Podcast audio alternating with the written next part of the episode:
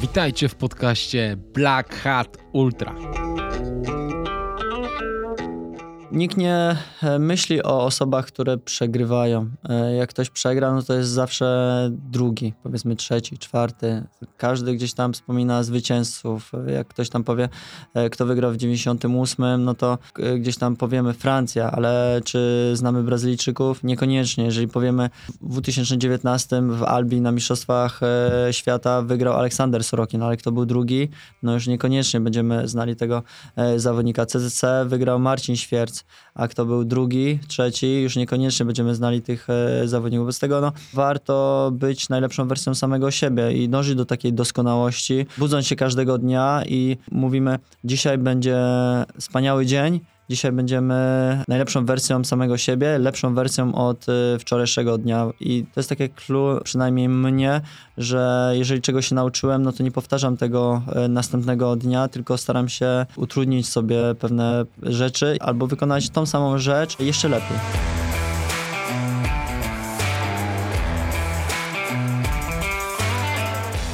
To był Sebastian Białobrzeski, a ja jestem Black Hat i witam Was w podcaście Black Hat Ultra.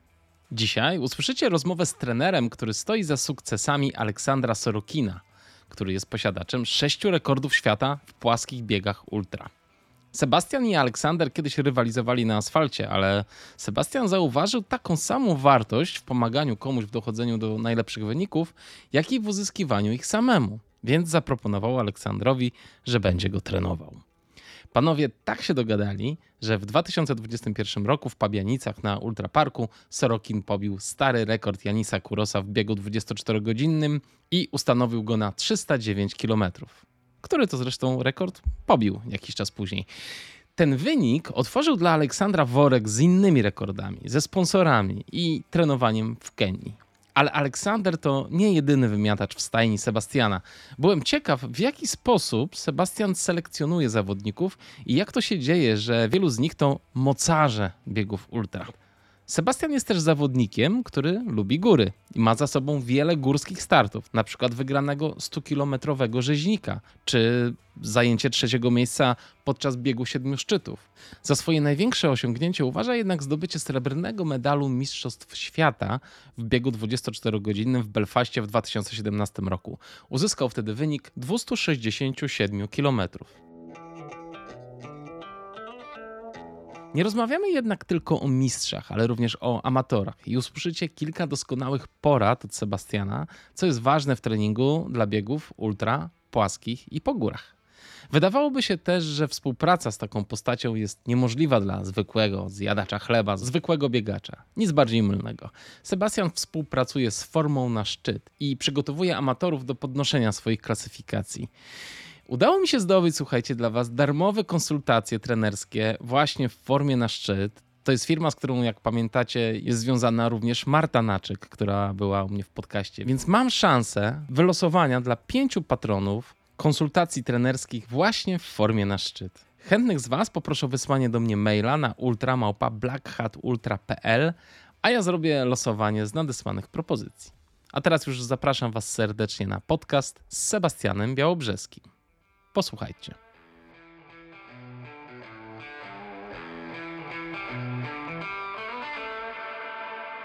Cześć Sebastian, witam cię serdecznie. Dziękuję, że przyjechałeś do Warszawy. Podobno niełatwo jest ciebie z Poznania wy wyciągnąć.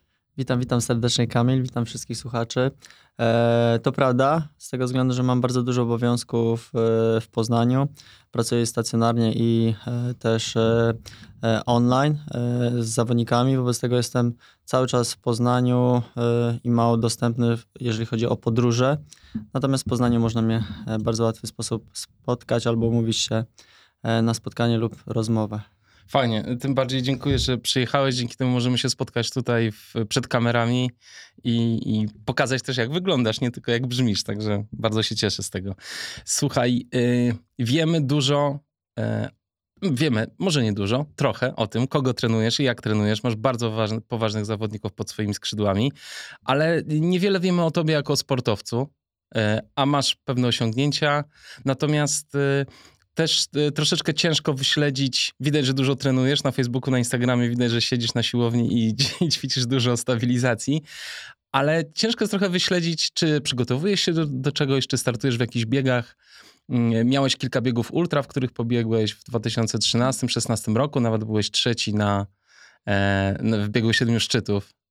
E, tam też była jakaś historia związana z tym biegiem. Jakbyś mógł e, powiedzieć dwa słowa, jak to było. Jeżeli chodzi o biegi górskie, no to tak naprawdę zaczęło się to gdzieś w 2013 roku, gdy byłem już na studiach na Akademii Wychowania Fizycznego i mój fizjoterapeuta powiedział, że jest taki ciekawy bieg rzeźnika.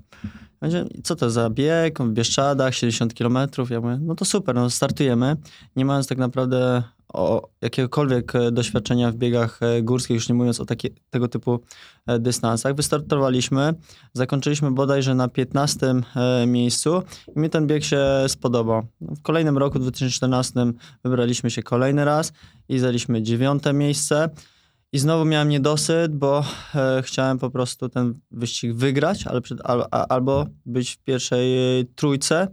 Natomiast udało mi się wygrać e, wersję hard, czyli na dystansie 100 km z Kamilem Klichem e, dokończyłem e, na pierwszym miejscu. No i po trzeciej edycji jeszcze raz e, wybrałem się powiedzmy na bieg rzeźnika ale tam mój partner doznał kontuzji. E, ja e, dokończyłem sam wyścig, oczywiście nie, nie byłem klasyfikowany i w ostatniej takiej e, czwartej części mojego rzeźnika, no to na dystansie 100 km indywidualnie już wygrałem i teraz się spełniłem, bo uważałem, że biegi w dwójkach nie do końca mi odpowiadały. Być może dlatego, że bardzo ważny jest wybór odpowiedniego partnera czy osoby, która, z którą będziesz biegał w tego typu wyścigach. Ja natomiast wtedy poczułem, że biegi górskie, biegi powiedzmy indywidualne, tego typu y, wysiłek fizyczny jest, jest coś dla mnie e, i chciałbym z tym startować więcej. Wobec tego, jak e, e, zauważysz, no to w 2016 nagle też wystartowałem w DFBG. Niesamowita historia. Mój trener powiedział dzień przed, że że jadę na bieg e, 240 km i był bardzo zdziwiony. Ja mówię, że no, no spróbuję swoich sił w takim biegu. Dolnośląski Festiwal Biegów Górskich i był dystans 240 km. Był to najdłuższy dystans, a tak naprawdę chciałem się na tym dystansie sprawdzić. Wybrałem się w czwartek o godzinie 9, o 13 e, już byłem na miejscu tak naprawdę nie byłem absolutnie przygotowany pod względem e, logistycznym. Zabrałem to, co mogłem i wystartowałem. Okazało się, że po 30 mm, godzinach e, kończę na pierwszym miejscu. No ale nie miałem regulaminowego sprzętu, za co dostałem karę 5 minut i to wystarczyło, że zająłem trzecie miejsce.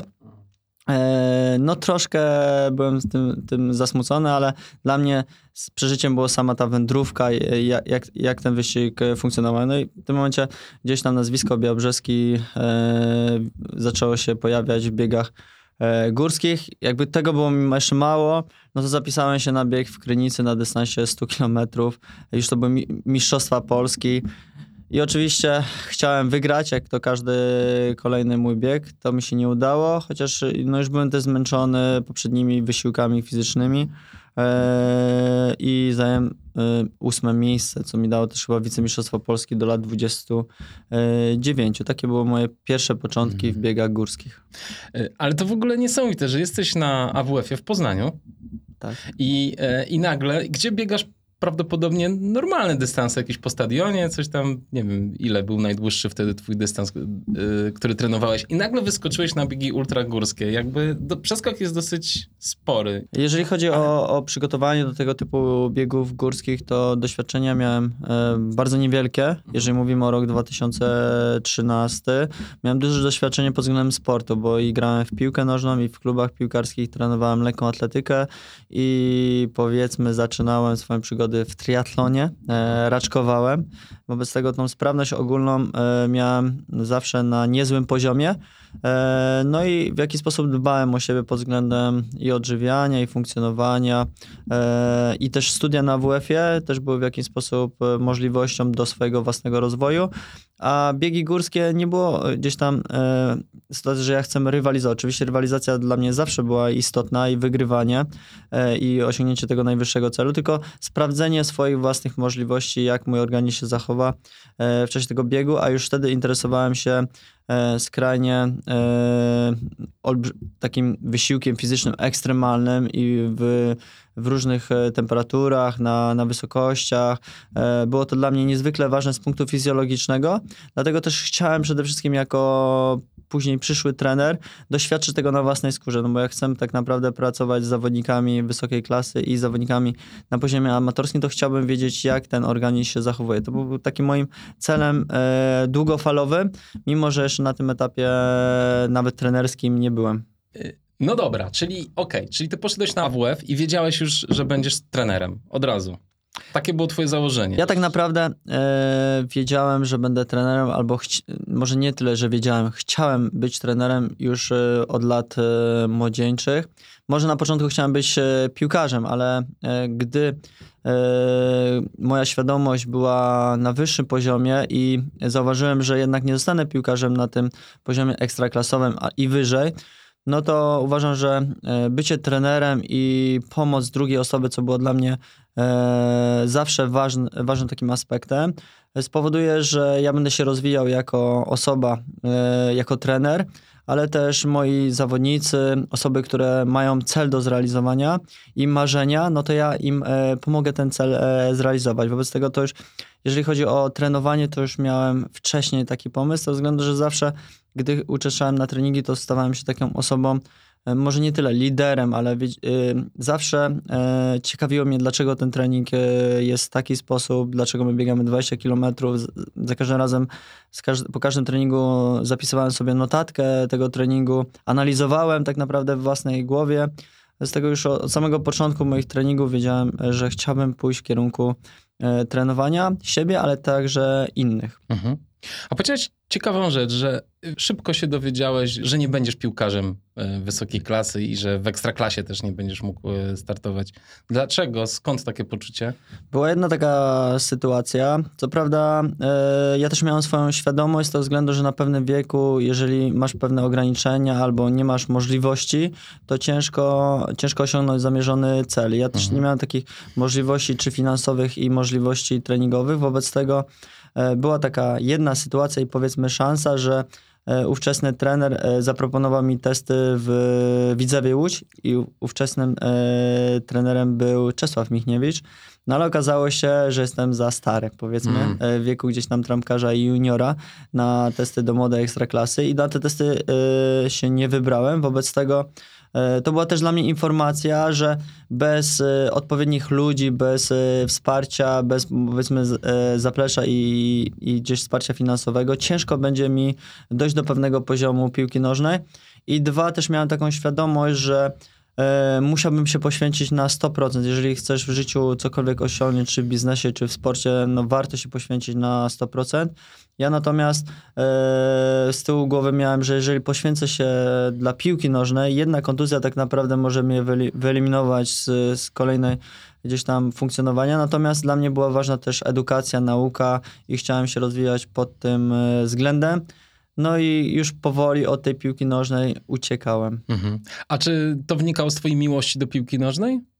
Tak naprawdę, jeżeli wspomniałeś wcześniej, że piłka, dlaczego trenuję piłkarzy, tak. no to moja cała historia e, gdzieś tam wywodzi się z piłki nożnej, z tego względu, gdy byłem e, młodym e, chłopakiem, no to tak naprawdę mieliśmy dwie możliwości. Czy pierwsza możliwość e, bieganie, co było naturalnym sposobem i poruszanie, poruszania się, a drugim sposobem była piłka nożna. Jak każdy młody zawodnik e, gdzieś tam w moim wieku chcieliśmy zostać piłkarzem, czy Ronaldo, czy Zidane, to byli nasi, nasi idol, idolowie, w których których po prostu byliśmy zapatrzeni jak w obrazek.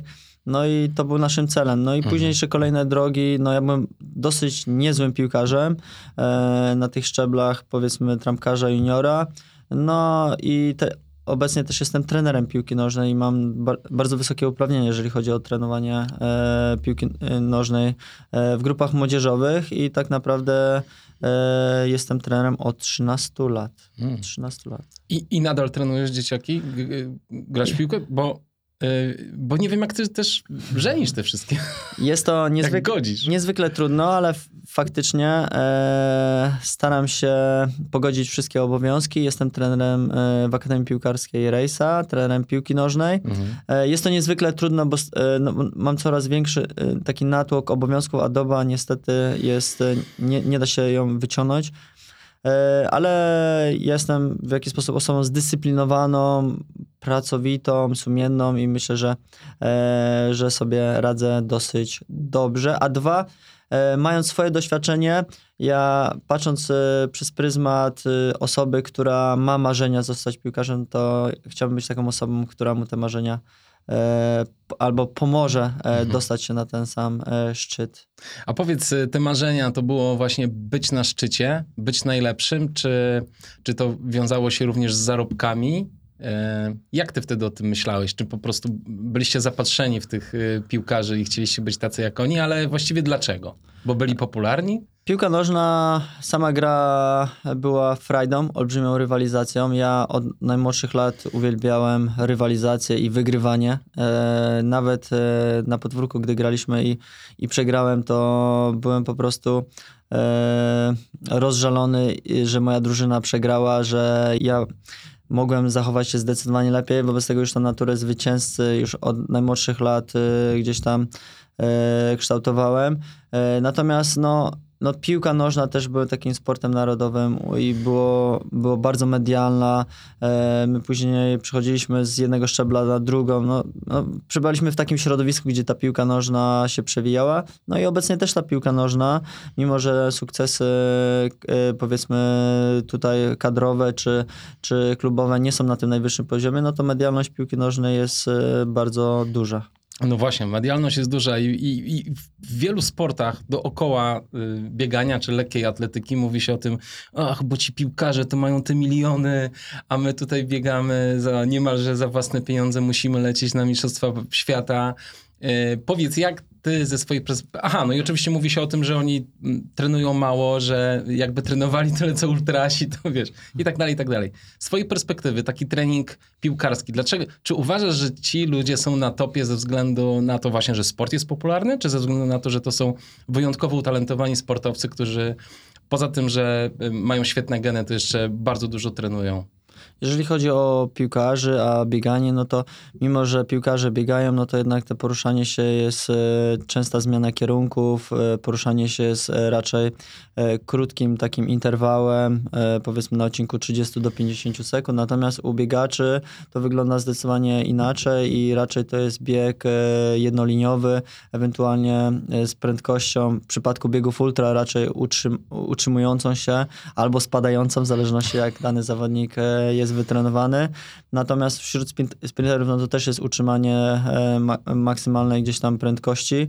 E, natomiast medialność piłki nożnej polega na tym, że każdy młody, e, młody dziecko obserwując piłkarzy, raz, że to jest punktu finansowego bardzo korzystne i każdy chciałby zostać piłkarzem, no bo piłkarz może sobie pozwolić na zakup nieruchomości, ma ulubione, ulubiony samochód, no wszystko, co sobie zapragnie, jeżeli jest na tym najwyższym poziomie, o którym może marzyć inne dyscypliny sportu.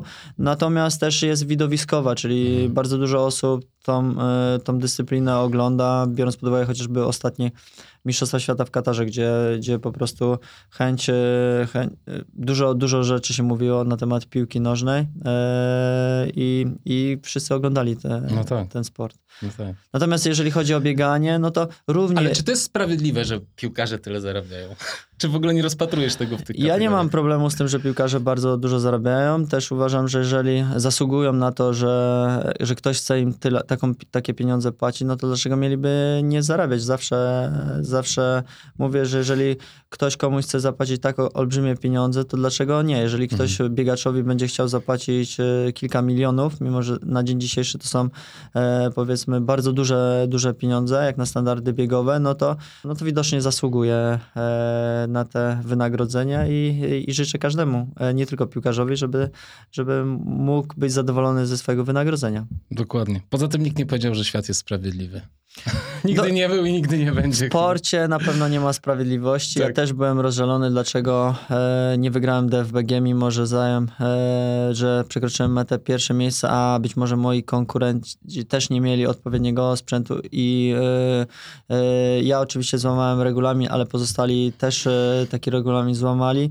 No ale e, to nie, nikt nie mówi, że jestem e, sprawiedliwy. Jeżeli miałbym ten plecak, czy kurtkę, czy inne, inne rzeczy, być może bym nie dobiegł e, na tym miejscu pierwszym. Wobec tego no, no tak. trudno, trudno rozpamiętywać takie rzeczy i nie, nie, mówimy o sprawiedliwości, chociażby dam ostatni przykład mojego zawodnika na Mistrzostwach Świata, e, Ruel, który był faworytem i który prowadził wyścig, ale był osamotniony, a pociąg e, Japończyków, którzy praktycznie go wykończyli swoją własną taktyką. No i mimo, że był faworytem biegu, mimo, że był przygotowany do tego, żeby wygrać Mistrzostwa Świata na dystansie 100 km, to tego, to, tego się nie udało gdzieś tam zrealizować.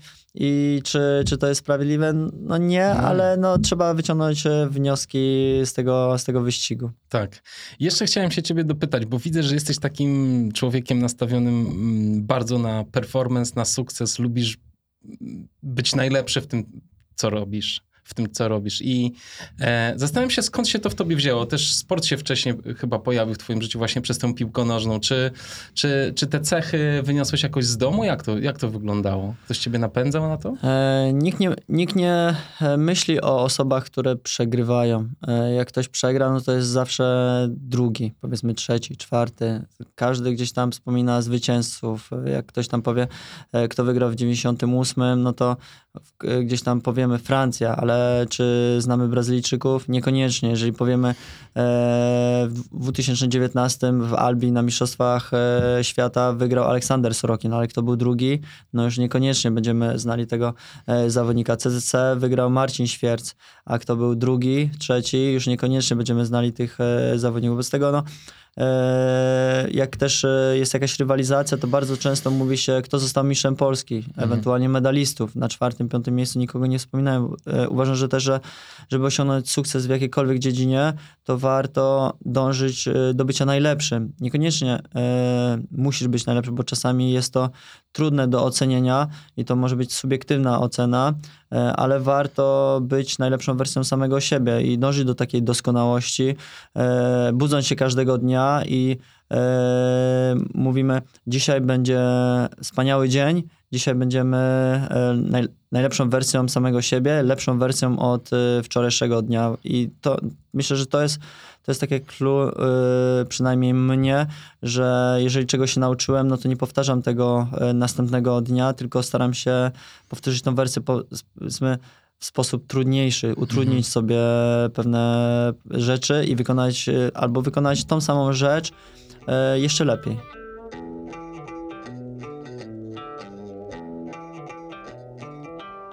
No właśnie, masz, taką, masz taki hashtag na Instagramie, e, który często powtarzasz, że te, to teraz to samo, tylko szybciej. Tak, jeszcze, ra, jeszcze raz tylko szybciej, jeszcze, jeszcze raz, raz, tylko lepiej. E, co prawda, ja nie jestem zwolennikiem, że każdy trening, każdy wyścig, wyścig powinien być lepszy, szybszy. Co prawda, dając przykład chociażby Aleksandra Sorokina, no to od 3-4 lat nasze wyścigi, nasze, nasze gdzieś tam plany są realizowane no, w sposób wymarzony, bo każdy mhm. wyścig jest e, nie dość, że zwycięski, to okraszony rekordem świata, co jest niezwykle pewnie trudne na tego typu dystansach. Natomiast e, tu akurat się zgadza, że jeszcze raz tylko szybciej. Oczywiście to jest, to jest taka maksymum, powiedzmy, e, motywacją dla innych zawodników, żebyśmy nie stawiali sobie ograniczeń. Być może dlatego współpracuję z tak szaloną grupą osób, którzy którzy czasami nie wierzą w swoje umiejętności albo boją się przedstawić komuś, że mają taki plan pobicia rekordu świata. Ja mhm. natomiast patrzę przez pryzmat, że dlaczego by nie spróbować, dlaczego to e, nie, zrobi, nie zrobić. Na przykład e, ostatnio Dorota Szparaga, która gdzieś tam e, walczyła na zimowym szlaku.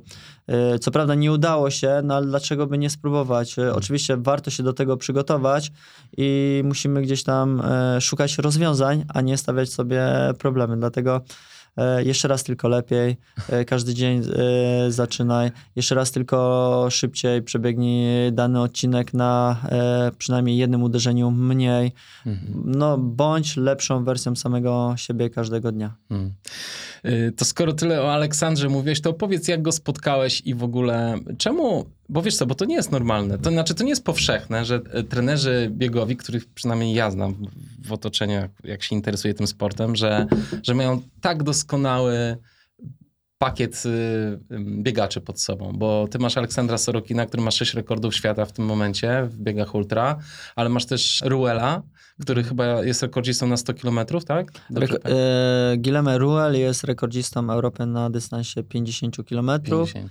No i z- ostatnio zajął piąte miejsce e, na Mistrzostwach Świata na e, 100 km. No i z To aż pięciu Japończyków go wyprzedziło?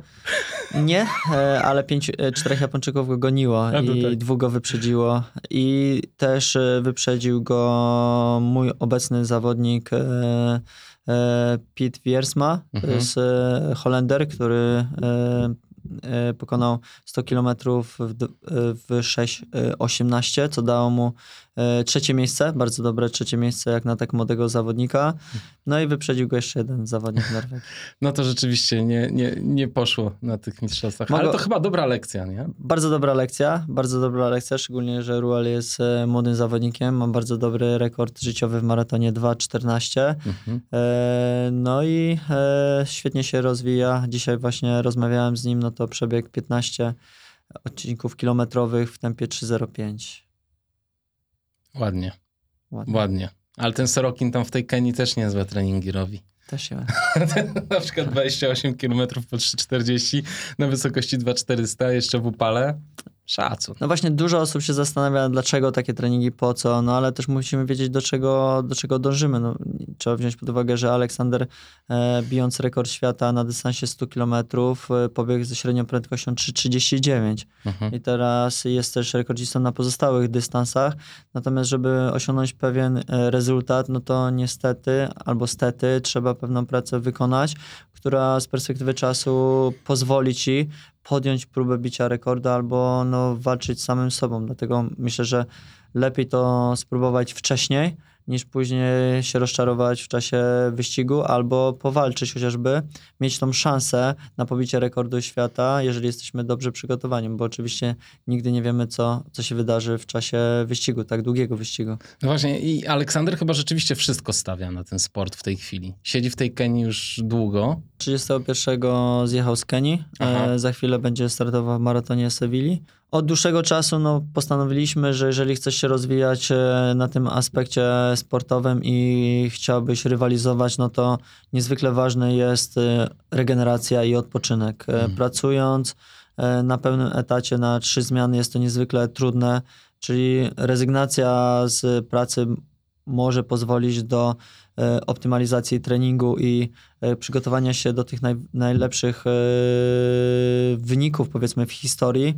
E, Natomiast trzeba gdzieś tam e, wtedy poszukać sponsorów i możliwości finansowania, co jest niezwykle e, trudne, jeżeli chodzi o biegaczy.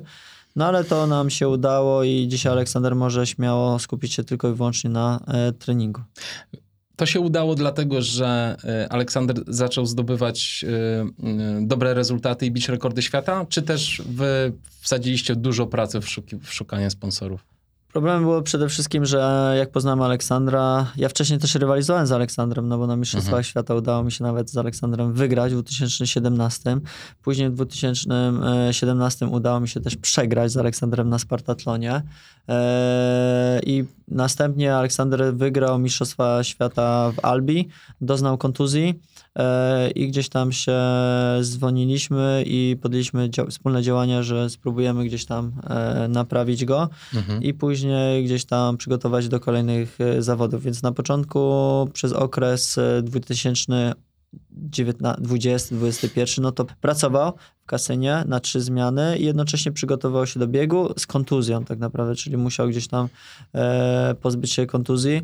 No i to było pewnie trudne doświadczenie e, i dużo cierpliwości od niego wymagało, ale Wygrał e, Mistrzostwa Polskie na dystansie 100 km tutaj e, w, w, Pawian, w Pawianicach, Mhm, tak? tak. E, pokonał chociażby Darka Nożyńskiego i tak naprawdę e, przyjechał, wygrał 100 km. Wszyscy byli zdziwieni, e, co się stało i też no, pytać, co ja tutaj robię. E, później, no, później już poszło zdecydowanie lepiej, bo mistrzostwa był wyścig w Wielkiej Brytanii i tam był okraszony dwoma rekordami świata. No i, yy, i rok później ten pamiętny rekord świata dwu- dwu- po 24 latach na dystansie 24-godzinnym. Tak, to było niesamowite. On 4,30 miał średni pace na 24 godzinach, nie? Coś, Tak. coś koło tego. Co prawda wtedy miał e, 303 km i ta prę- prędkość była, średnia prędkość była e, niższa. Później e, w kolejnym roku udało się pobić e, 319 Mhm. km, no ale biorąc pod uwagę, że przez 24 lata nikt nawet nie był w stanie się zbliżyć do rekordu świata, to był no, olbrzymi wyczyn. Tak, Kurosa, prawda? Wcześniej. Janisa. Kurosa. Janisa Kurosa. Niesamowite. Ja w ogóle obserwowałem, jak, y, jak Sorokin y, biegł i w ogóle było dla mnie, to może mi odpowiedź na moje pytanie, dlaczego on zaczął tak szybko? Bo zazwyczaj zaczyna się powoli i potem stara się utrzymać, znaczy powoli, szybko, ale stabilnie, a jak się patrzyło na średnią prędkości mm, Sorokina, to było tak, że zaczął bardzo szybko i potem zwalniał regularnie. Czy to było Teraz taka... pytanie, który bieg, bo jeżeli Właśnie ten 24-godzinny, ostatni, czy... ten w Pabianicach. Jeżeli chodzi o bieg w Pawienicach, to bieg dosyć, e, dosyć równo, bo ten wyścig wy, wyglądał dosyć tak, e, że biegał po profesorsku Mhm. i był spadek e, prędkości gdzieś tam w ostatnich 4 godzinach, ale było to związane z problemami żołądkowymi. No i też myślę, że no bieg na rekord świata też ma swoje gdzieś tam swoje prawa, zasady i to było niezwykle trudne. Tutaj e, no, ten spadek prędkości trzeba liczyć się z tym, bo często zawodnicy no, e, raczej nie przyspieszają po 20 godzinach, chyba że na ostatniej godziny chcieliby gdzieś tam urwać jeszcze kilka metrów, natomiast e, raczej zwalniają. Mhm. E, Samo utrzymanie prędkości to już jest e, myślę, że dobrą oznaką. Im dłużej, tym, tym lepiej. Natomiast jeżeli chodzi o Mistrzostwa Europy w Weronie, no to tu Aleksander zaczął na 360 km. Mhm. To to zdecydowanie za szybko, no i kosztowało go to bardzo dużo już w tej e, powiedzmy ostatniej części biegu. Mhm. Okej, to mm, być może, że po prostu y, mylę imprezy rzeczywiście, ale na pewno jeden długi jego ultra było taki, że zaczął bardzo szybko i potem raptownie zwolnił. Możliwe, że to była ta Verona rzeczywiście. Mhm. E, ale to wynikało po prostu nie z taktyki, tylko z, z błędu, że za szybko zaczął. Dokładnie, to było po Mhm. prostu, no, jeżeli zaczynasz na 360 km, a rekord jest 300, e, 309 km, no, No to, to- no to musisz się liczyć z tym, że, że albo jesteś bardzo mocny i wytrzymasz, albo no, za szybko zdecydowanie zacząłeś. No akurat w, w przypadku Aleksandra to było to drugie. Na szczęście e, nic złego się nie wydarzyło, czyli wygrał Mistrzostwa Europy i, i, i tak naprawdę e, pobił rekord, e, rekord świata, co też było olbrzymim sukcesem. Pewnie nie byłeś z nim w tym Weronie, dlatego sobie tak pochulał. Byłem w Weronie, byłem w Weronie i u- mi- byliśmy sceptycznie nastawieni Mhm. do tego miejsca, z tego względu, że wilgotność e, była w, we Włoszech bardzo, bardzo duża i, i ciężko się biegało, bardzo ciężko. E, I, I warunki na trasie, dużo zakrętów, e, niewielkie wzniesienie powodowało, że trudno mówić o jakimś e, pobiciu rekordu czy tam walce, no ale zaryzykowaliśmy i uważaliśmy, że Aleksander jest na tak tyle dobrze przygotowany, że może nie tyle rywalizować co o Mistrzostwo Europy, bo to też jest e, ważne, ale też pobicie rekordu świata. Z Mhm. tego no ta pewność siebie, tą pracę, którą Mhm. wykonał, e, nie musiał pracować, skupił się w 100% na, na przygotowaniu do, do zawodów, spowodowała, że, że być może euforia e, albo chęć, chęć po prostu rozprawienia się no spowodowała, że zaczął zdecydowanie za szybko, ale sam przyznał, że, że zaczął zdecydowanie za szybko, tak. więc uczymy się na własnych błędach. E, Troszeczkę nie odpowiedzieliśmy na to pytanie, ale trochę też odpowiedzieliśmy. E, Jak zaczęła się współpraca z Sorokinem? Po prostu biegaliście razem, byliście kumplami biegowymi tak naprawdę. No z Aleksandrem tak, ale później ja też e, widziałem w nim duży potencjał. E, Mhm. dużo osób mi mówiło, że facet, który może pobić rekord świata, Janisa Kurosa, E, I takich ludzi na świecie jest pewnie niewielu, mhm. bardzo mało, czyli mówimy praktycznie cztery osoby, które ukończyły bieg 24 godziny powyżej 300 kilometrów, albo trzy osoby. Nie wiem, czy Tkaczuk, Tkaczuk chyba miał 290, mhm. czy tak naprawdę trzy osoby, Andrzej Piotrowski, Janis Kuros i Aleksander Sorokin, no to na tym świecie jest dosyć mało zawodników, którzy mogą ukończyć. Dlatego ja też się skontaktowałem z zapyta zapytaniem, jak się czuję i nie miałem gdzieś tam pomysłu, że zacznę z nim współpracować, czy, czy chęć współpracy, tylko to się nawiązało z czasem. No i początki były niesamowicie trudne z tego względu, że ja mówiłem w języku polskim, mhm. Aleksander języka angielskiego do końca nie znał, mój język rosyjski też był dosyć łamany e, i było nam niezwykle trudno, jeżeli chodzi o komunikację. No mhm. teraz jesteśmy już tam e, po wszystkich tych e, historiach E, łatwiej nam przychodzi komunikacja i potrafimy się dogadać, no i nawet jesteśmy przyjaciółmi. Fajnie. Czyli co, e, teraz rozmawiacie po angielsku, rozumiem? Teraz rozmawiamy zdecydowanie po angielsku, no okay. bo Aleksander już trochę czasu przebył w Kenii, a tam się rozmawia przede wszystkim w języku angielskim. No tak. No dobrze, ale to e, Sorokin, inni zawodnicy z zagranicy wysokiej klasy, jak ty ich znajdujesz, jak się z nimi kontaktujesz? Masz taki plan, żeby rzeczywiście trenować najlepszych? Wyszukujesz takich, takie osoby i proponujesz im współpracę? Jak to wygląda? Tak naprawdę to pytanie jest do zawodników, e, dlaczego oni współpracują ze mną. A... Ale co, sami do ciebie piszą? Bardzo często jest tak, że zawodnicy w jakiś sposób sami e, piszą i próbują się kontaktować e, i czy mógłbym ich przygotować do osiągnięcia i realizacji celów, jeżeli mówimy w większości o zawodnikach zagranicznych, no bo jeżeli przygotowuję zawodników z formy na szczyt, no to tu, ten proces rekrutacyjny i proces gdzieś tam zgłoszeń jest całkowicie inny. No i ci zawodnicy, powiedzmy, e, piszą do mnie, rozmawiamy o celach, o planach i czy w jaki sposób jestem w stanie im e, pomóc. I faktycznie są to zawodnicy z, raczej z bardzo wysokiej półki, którzy gdzieś tam e, próbują pobić rekord e, danego kraju, rekord Europy, czy ukończyć jakiś niesamowity, nies, niesamowity wyścig. E, na początku było pewnie to trudne, no bo prowadzenie zawodników e, online i gdzieś tam e, było trudne do zrealizowania, natomiast już okres pandemii i gdzieś tam rozwój elektroniki pozwolił nam e, na zdecydowanie łatwiejszą e, drogę i tak naprawdę mogę komunikować i kontaktować z zawodnikiem z, z, e, z, każdego miejsca na świecie. No a trzeba wziąć pod uwagę, że nie każdy jest stworzony do, do biegów tak ekstremalnych, a dodatkowo osiągnięcie takich niesamowitych wyników. Mhm. Ale czy to właśnie trenowanie Aleksandra tak cię otworzyło na świat i pokazało cię innym zawodnikom ze świata, że, że, że możesz ich doprowadzić do niesamowitych Myślę, że tak. Myślę, że tak, że to jest e, bardzo duży argument ku temu, no bo jeżeli Aleksander zaczyna wygrywać i Polak, który, który w jakiś sposób trenuje zagranicznego zawodnika, pozwala gdzieś tam myśleć, czy akurat mnie, mnie ten trener nie mógł trenować.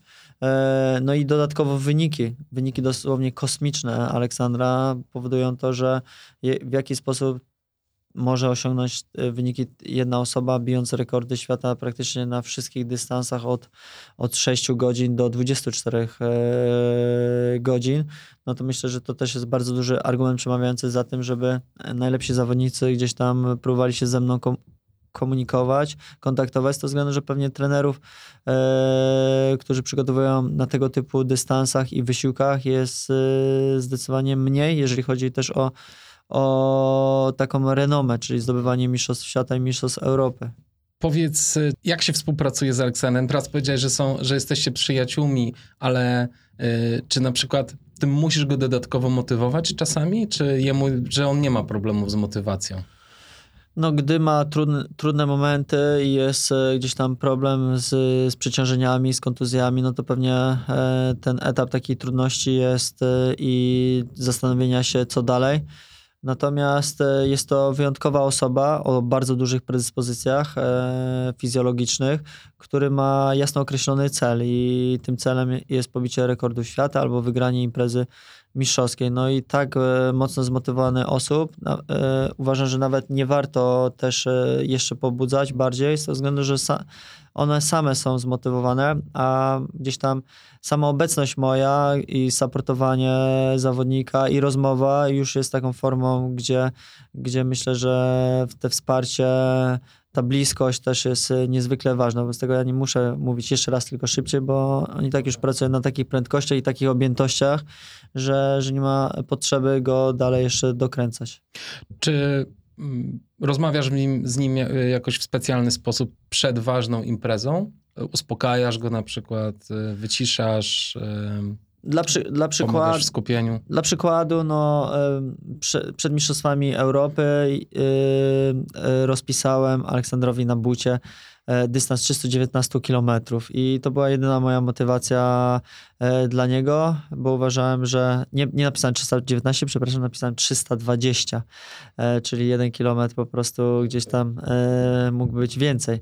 No, tego się nie udało, ale udało się 319. To była cała moja motywacja z tego względu, że, że wsparcie bardziej polegało na trasie, e, planowanie, organizowanie, sprawdzanie, czy każdy, każdy dystans jest pokonany w odpowiednim czasie, e, gdzieś tam supportowanie, motywowanie już w czasie wyścigu fizycznego, szczególnie gdy już jest e, trudno to, to myślę, że to są takie ważne, ważne momenty. Bycie e, z takim zawodnikiem podczas imprezy e, mistrzowskiej i później po, po wyścigu też jest, e, myślę, że takim rzeczą, która, która warto, warto, warto mieć takiego, taką osobę przy sobie. Mhm.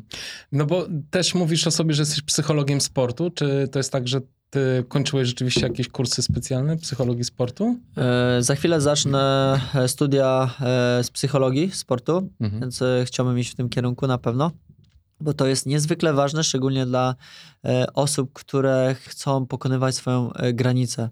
I to pracując na te, tego typu wysił- przy tego typu wysiłkach fizycznych, naprawdę niezwykle jest niezwykle są nasze myśli, to w jaki sposób się zachowujemy, to co myślimy, e, czy, czy jesteśmy pozytywnie nastawieni do, e, do tego projektu. I uważam, że przygotowanie fizyczne to jest jedno, trzeba być przygotowani perfekcyjnie, powiedzmy, pod dany projekt, ale realizacja i później poradzenie sobie z problemami w czasie już tego wysiłku fizycznego, w czasie tego realizacji tego projektu, to jest kolejna, kolejna sfera i to jest no, niezwykle ważna, bo pewnie przeszkód y, na drodze będzie bardzo dużo i w przygotowaniu, i podczas wyścigu. A w jaki so, sposób sobie poradzimy e, z tymi wszystkimi słabościami i czy nie odpuścimy, no to jest kolejna, kolejna rzecz. No i teraz żeby dotrzeć do takiego zawodnika, no to trzeba mieć też narzędzia, e, poznać tego zawodnika, żeby mu w jakiś sposób pomóc, e, jeżeli będzie taka możliwość.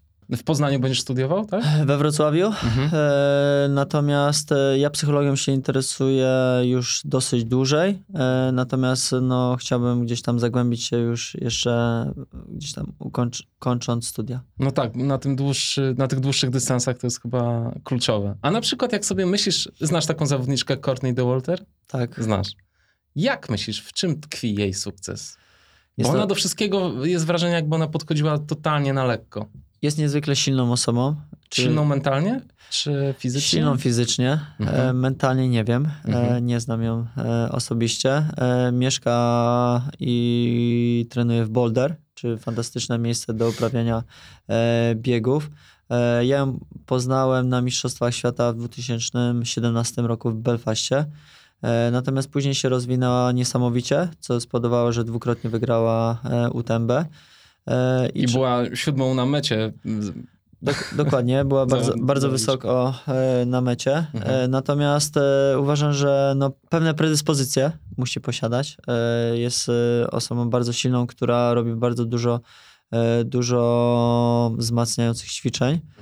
No ale dodatkowo no, bez takiej aspektu mentalnego na pewno też trudno byłoby jej zrealizować te cele, które, które, które miała. E, jestem przekonany o tym, że, e, że jest silną, ma silny charakter. Mhm.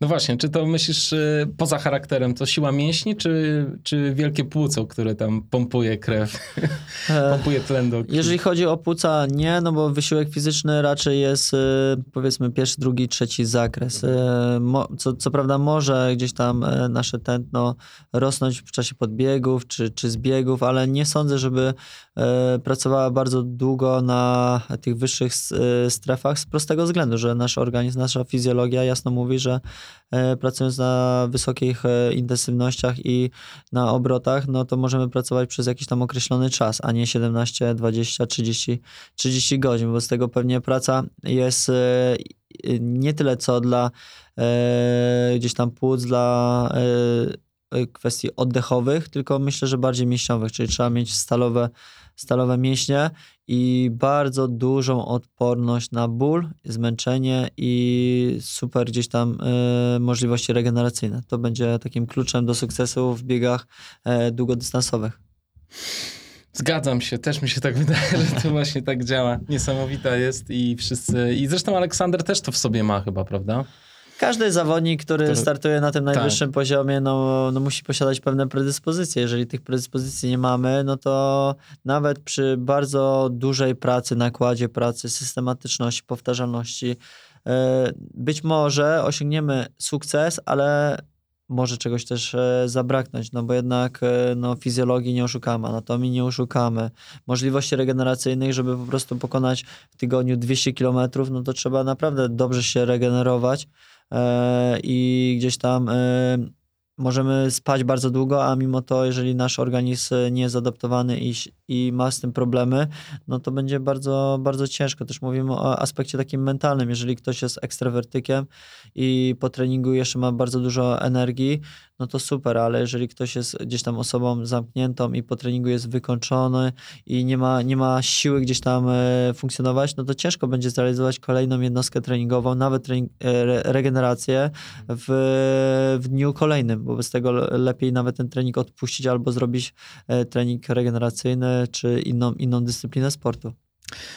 No właśnie, to jest ciekawy, ciekawy temat poruszyliśmy, bo to jest coś, co zawsze, zawsze siedzi mi z tyłu głowy. Czy miałeś kiedyś taki mm, przypadek w życiu, że widziałeś kogoś, kto nie rokował na początku w ogóle, czyli właściwie jakbyś miał go wziąć pod, skrzyd pod skrzydła, to byś go nie wziął, bo stwierdziłbyś, że, no, że, że nie urodził się z tym czymś. A potem nagle okazuje się, że taka osoba wiesz, zdobywa niesamowite rezultaty. Miałeś w życiu takie, takie sytuacje? Jeżeli chodzi o młodzież, no to tak, no bo to mhm. ja ich kształtuję i w jakiś sposób pomagam im osiągnąć e, cel i widzę, jak oni się rozwijają i widzę, widzę ten rozwój. Natomiast wśród takich zawodników pro, to ci zawodnicy jednak pewne predyspozycje posiadają i oni e, gdzieś tam e, poprawiają się oczywiście, no ale Aleksander teraz pokonując pewne dystanse czy ruel, oni też mają pewien background, czyli fundamenty do tego, żeby iść krok do przodu. Natomiast jeżeli nie mamy, no to musimy je zbudować. I oczywiście będziemy budować krok po kroku, stawiać szczebelek i, i gdzieś tam wspinać się, no ale jeżeli napotkamy przeszkodę, którą nie będziemy mogli pokonać, no to czy doznamy kontuzji, no i która będzie nas informowała, że jednak nie jesteśmy w stanie iść y, dalej albo szukać innych gdzieś tam sposobów rozwiązania omijając te przeszkody, no to, no to ciężko będzie nam osiągnąć ten sukces. Natomiast e, czy takie osoby są? Na pewno tak. Na, na, pewno warto dać, e, dać im szansę, ale czas, czas i praca tak naprawdę na treningu pokaże, czy ta osoba będzie na tym samym szczycie, a musimy też wziąć pod uwagę, że na, na sam szczyt nie wejdą wszyscy. Tak? no tak, no tak. Jest to, jest to kilka miejsc e, dla takich e, osób, dlatego no, e, sama selekcja naturalna, no idealnym przykładem są biegacze z Kenii, gdzie tych biegaczy pewnie jest mnóstwo, osiągają niesamowite wyniki, ale dziesiąty Keniszy, który mógłby być powiedzmy najlepszą osobą w Europie, nie może nawet wystartować na Igrzyskach Olimpijskich, na Mistrzostwach Świata i to jest E, gdzieś tam e, słowa, które na początku podcastu powiedziałeś, że e, życie nie jest sprawiedliwe. No to ten zawodnik po prostu urodził się w Kenii, jest bardzo dobry, no ale niestety nie może reprezentować swojego kraju, bo dziewięć, dziewięciu pozostałych zawodników jest od niego lepszych. A to jest akurat bardzo dobry przykład, prawda? Bo często możemy mówić o tym, że po prostu jest mało zawodników, którzy próbują, ale tam w Kenii akurat jest ich sporo i, i mają świetne geny, jeśli chodzi o bieganie, nie? Geny, selekcja, tak. e, możliwości takie treningowe, czyli gdzieś tam e, środowisko, e, gdzieś tam chęci e, szukania lep, lepszego miejsca na ziemi albo powiedzmy poprawienia swojego bytu, e, mhm. bo starty komercyjne też wiążą się z nagrodami, dlatego robią wszystko, żeby, żeby wygrywać e, zawody i dzięki temu powiedzmy najsilniejszy, najsilniejszy przetrwają.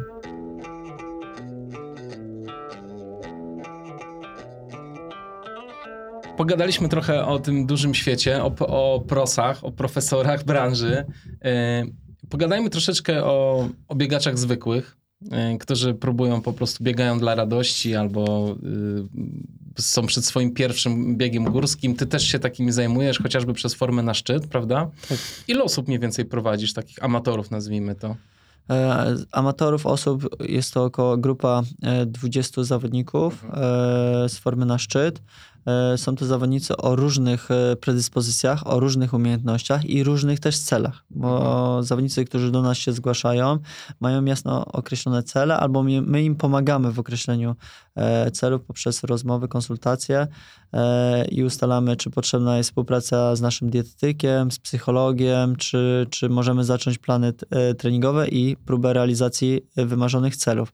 I teraz jedna osoba może mieć cel pokonanie kabela, Druga tak. osoba, wczoraj rozmawiałem, e, jest zapisana na UTMB, e, czyli całkowicie odmienny, odmienny cel. Trzecia osoba, e, Dorota Szparaga, która chciałaby zrobić GSB zimą. Całkowicie inny cel. Wobec tego no, różnorodność osób, każda osoba jest inna i każda osoba ma swój cel. No i moim, moim powiedzmy pomysłem jest próba podjęcia, realizacji tego celu. Często jest tak, że te osoby są bardzo zmotywowane. Mm -hmm, Jak mm -hmm. już e, zgłaszają się do nas, e, do formy na szczyt, no to przede wszystkim e, są bardzo zmotywowane do tego, żeby rozpocząć współpracę z trenerem i naszym po prostu celem jest pomóc tej osobie. Mm -hmm. Zdarza się wam czasem odmówić komuś współpracy? Na przykład stwierdzacie, że ktoś ma nierealistyczne cele i nie chce się dopasować do tego, co wy sugerujecie?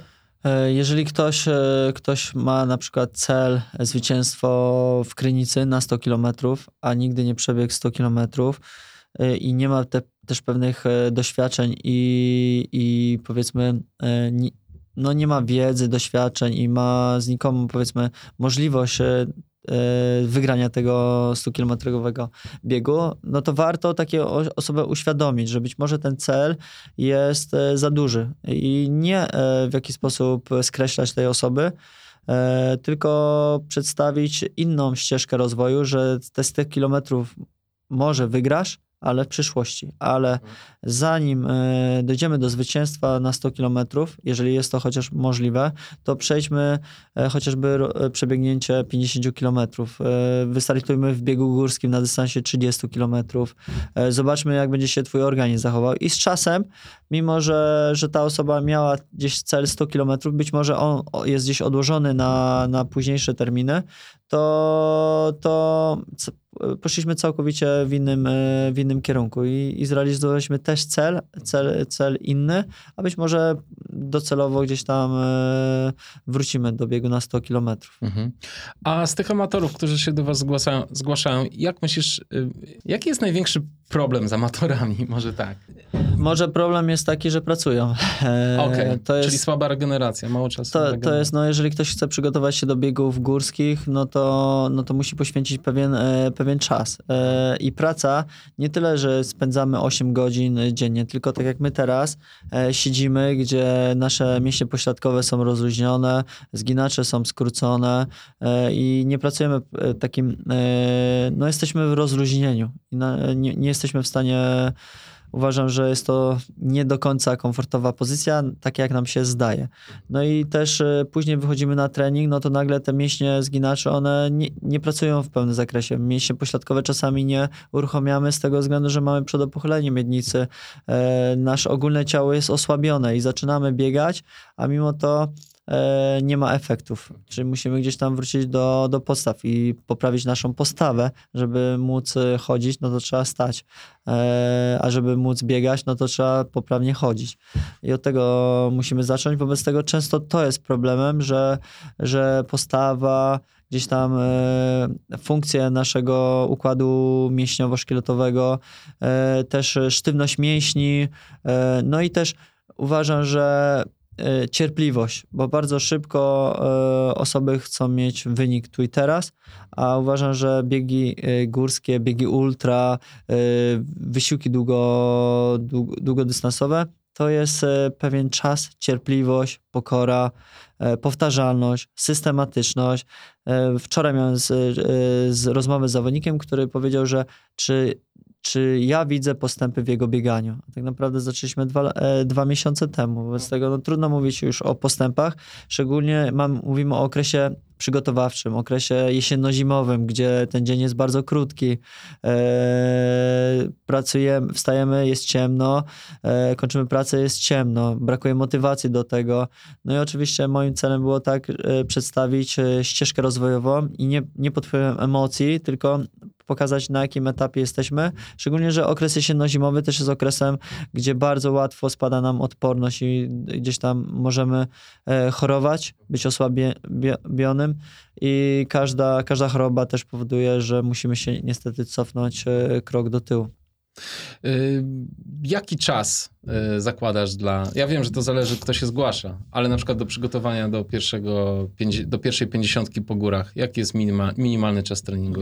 jakbyś tak... Ja myślę, że no 50 kilometrów od razu bym nie polecał, hmm. bo szczególnie. Nie, że, w sensie, że, to jest nasz cel.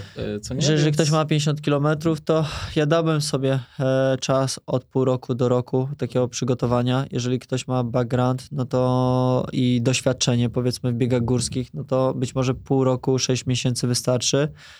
ale takie 10-12 miesięcy to byłoby bardzo optymalne, biorąc po, pod uwagę wszystkie okresy, okres przygotowawczy, okres gdzieś tam e, rozwoju takiego wszechstronnego, okres e, bezpośredniego przygotowania startowego, starty kontrolne.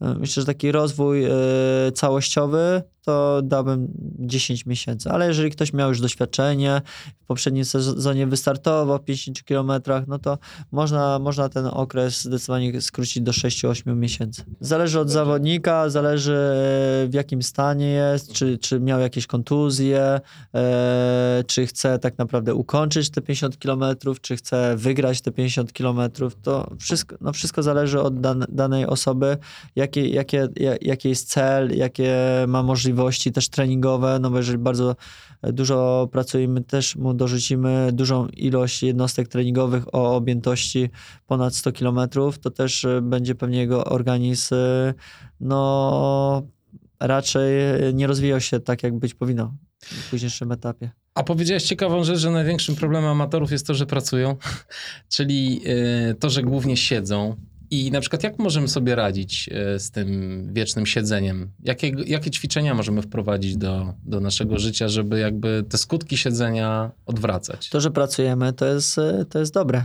Nie no, Zarabia, wiadomo, musimy, zarabiamy pieniądze. Musimy mieć kasę na, na, Natomiast na pociągi, to, że, żeby w góry jeździć. To że, to, że siedzimy, to też nie jest e, problemem, jeżeli my wstaniemy i powiedzmy pochodzimy sobie albo zaktywujemy mięśnie pośladkowe, czyli jeżeli ktoś zna swoje ciało, no to gdzieś tam wprowadzi prowadzi ćwiczenia prewencyjne. I tak naprawdę, jeżeli my tego nie wiemy, no to ja zazwyczaj proponuję, żeby spotkać się z trenerem przygotowania fizycznego, z trenerem, e, z fizjoterapeutą, z osobą, mhm. która nakreśli nawet nie plan naprawczy, bo my nie jesteśmy jeszcze zepsuci, ewentualnie plan prewencyjny, czyli yy, gdzieś tam przykładowy zestaw ćwiczeń, środków treningowych, które można wprowadzić e, albo dodatkową jednostką treningową, albo w czasie przed bieganiem chociażby, żeby chociażby, jeżeli siedzimy, wzmocnić mięśnie pośladkowe, wzmocnić tylną taśmę, pośladkowe średnie, mhm. stabilność jednonóż, aktywować po prostu mięśnie odpowiadające za core,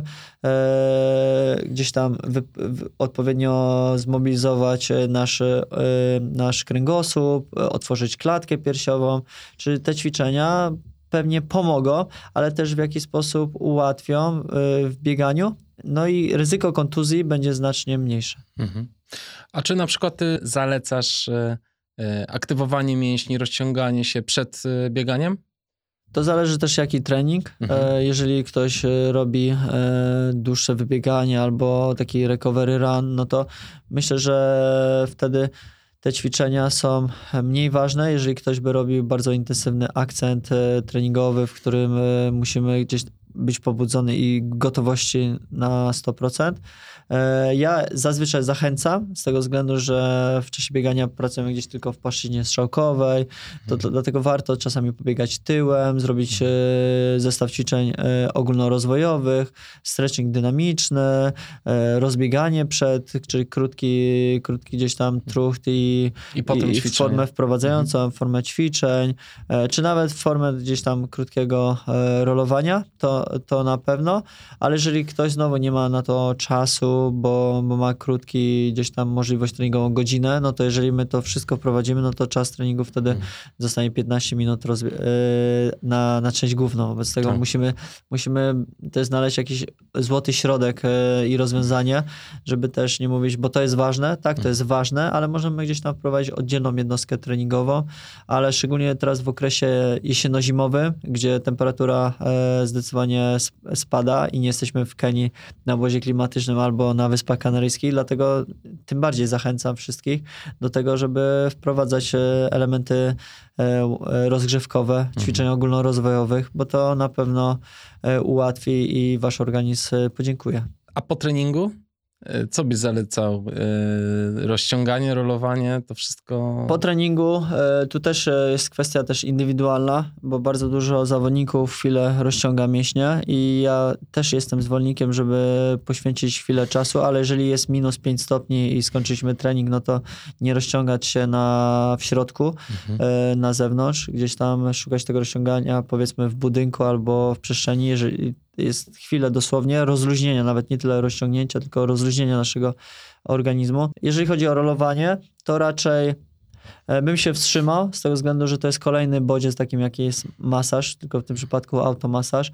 Zrobiłbym to albo wieczorem, chociaż też mam takie doświadczenie, że przygotowując się do Spartatlonu, e, eksperymentowałem i rozciąga, e, rolowałem się codziennie. Codziennie się rozciągałem 10-15 minut i ja nie czułem efektu rozluźnienia mhm. i nie czułem, że to, że, że to na mnie działa i, i poprawia. Wobec tego też nie, nie, nie, nie powinniśmy szaleć ze wszystkimi formami regeneracji i, i bodźcować się, bo to jest kolejny bodziec, a organizm tak naprawdę chciałby wyspać, jedynie odpocząć, chce odpocząć tak. tak. A my już e, z treningiem zmęczyliśmy organizm, mhm. wobec tego z, zadbajmy o regenerację w postaci e, uzupełnienia węglowodanów, nawodnienie się, odpoczynek, sen, a później wprowadzajmy kolejny bodziec dla naszego organizmu, żeby po prostu mhm. tych bodźców nie było za dużo, bo też organizm będzie wariował, no a, a, trening ma budować albo w jakiś sposób przeszkadzać na początku, ale później za pomocą superkompensacji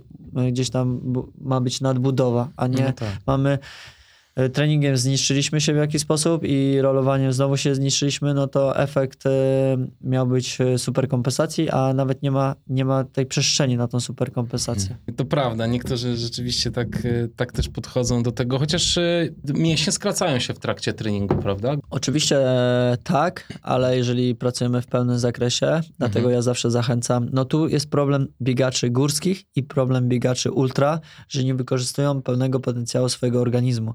I ja, będąc na Mistrzostwach Świata i na Mistrzostwach Europy, byłem przerażony, jak ludzie po prostu biegają.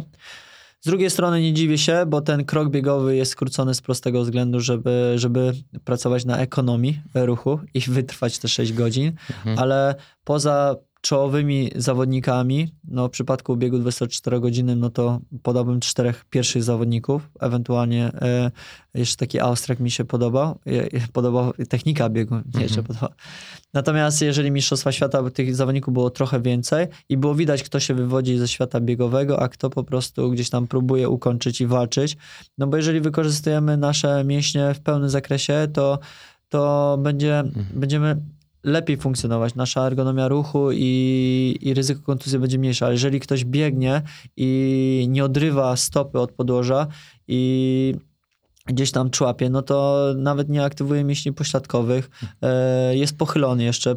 Trzeba też wziąć pod uwagę, że E, w czasie wyścigu, już po jakimś czasie, nasza technika też gdzieś tam e, może się psuć i jesteśmy zmęczeni, może zgarbieni, pochyleni, e, nasze zginacze mięśniowe jeszcze bardziej są skróceni, skrócone mhm. i w tym momencie no jest to kłopot. Dlatego mhm. jeżeli ktoś, powiedzmy, czy w biegach górskich, no na podbiegu bardzo ciężko mówić o pełnym zakresie ruchu i ten bieg jest nie dość, że skró skrócony, to no nie wykorzystujemy pełnym potencjale naszego aparatu e, mięśniowo-ruchowego.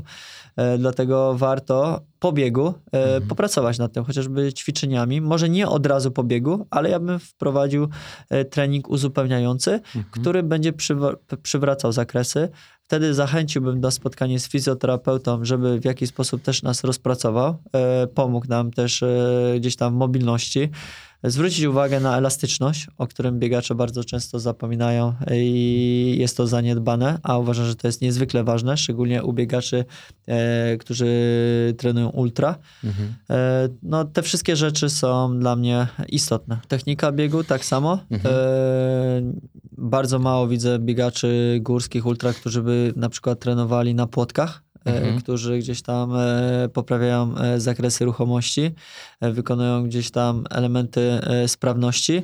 Tylko często jest, że robimy długie wybiegania, E, oczywiście generalizuję, ale e, to jest gdzieś tam wyolbrzy...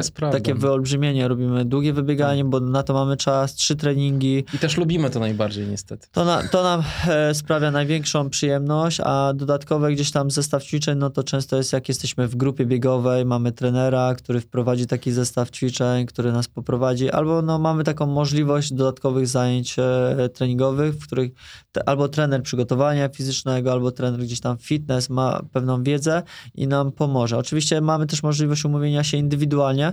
W większych e, miastach jest to łatwiejsze, bo pewnie tych trenerów jest więcej i osób, które mogą nas w jakiś sposób wesprzeć.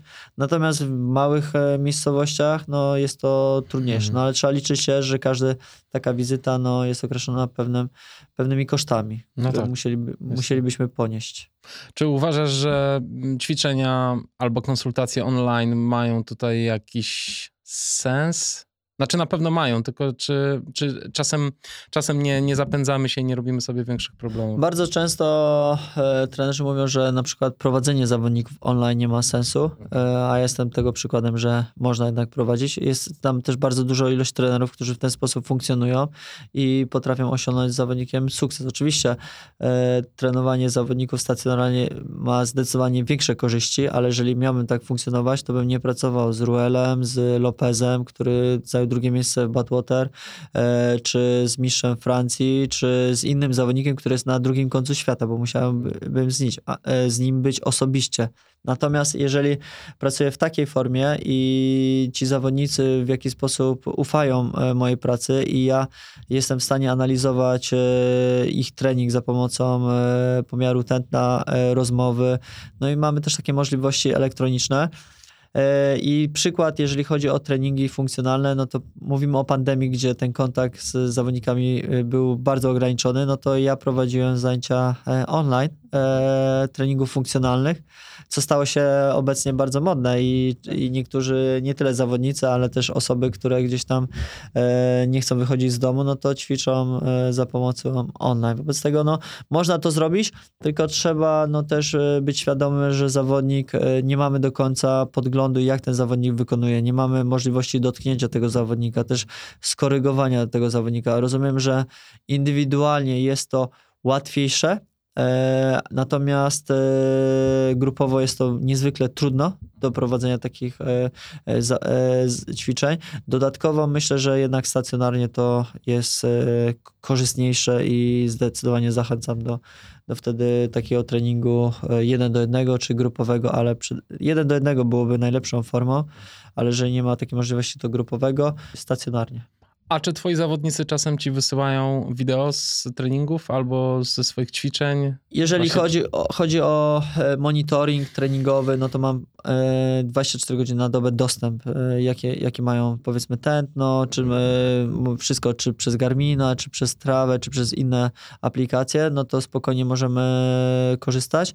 Natomiast jeżeli chodzi o filmy, no to jeżeli mają do wykonania zadanie sprawności ogólnej, no to też warto mówimy często o technice siły biegowej, co jest niezwykle ważnym aspektem budowaniu, budowaniu siły e, takiej specy, specjalistycznej, no to często proszę, żeby taki zawodnik nagrał, nagrał swoją technikę, ale też co jakiś czas, jeżeli pracujemy online, no to chciałbym zobaczyć, jak wygląda technika biegu i to jest często gdzieś tam e, badane przez bieżnię mechaniczną.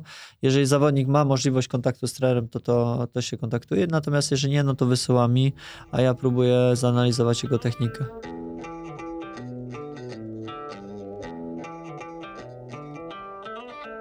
Czy na przykład ty zawsze stosujesz periodyzację w swoim treningu, jak pracujesz y, z zawodnikami? E, To zależy. E, Czasami tak zwiększam e, objętość, a później zmniejszamy tą objętość i gdzieś tam szukamy intensywności i pracy na prędkościach, ale w przypadku biegów ultra robię też tak, że pracuję e, równoliniowo e, o dużej objętości też e, i to daje mi pewność, że zawodnik jest przygotowany pod względem wytrzymałości tlenowej, wytrzymałości gdzieś tam e, szybkościowej, a później dopiero gdzieś tam zmniejszam tą objętość, żeby szukać świeżości i e, gdzieś tam na przykładzie trzech, dwóch tygodni po prostu zdecydowanie odpuszczamy i sz- szukamy po prostu możliwości e, gdzieś tam już e, bezpośrednio przygotowując się do startu. Mhm.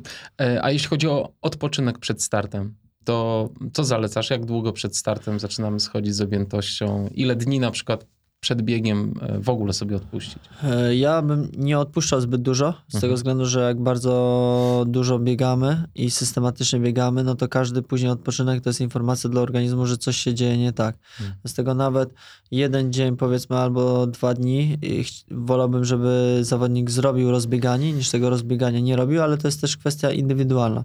Biorąc pod uwagę, że musimy prze, przetransportować się z jednego miejsca na drugie, to już jest dla naszego organizmu wysiłek. Wobec tego, jeżeli powiedzmy mamy wyścig e, w niedzielę, a w czwartek mamy transport, no to lepiej sobie odpuścić e, czwartek, a w piątek zrobić spokojne rozbieganie i w sobotę odpoczynek przygotowujący pod względem e, startu.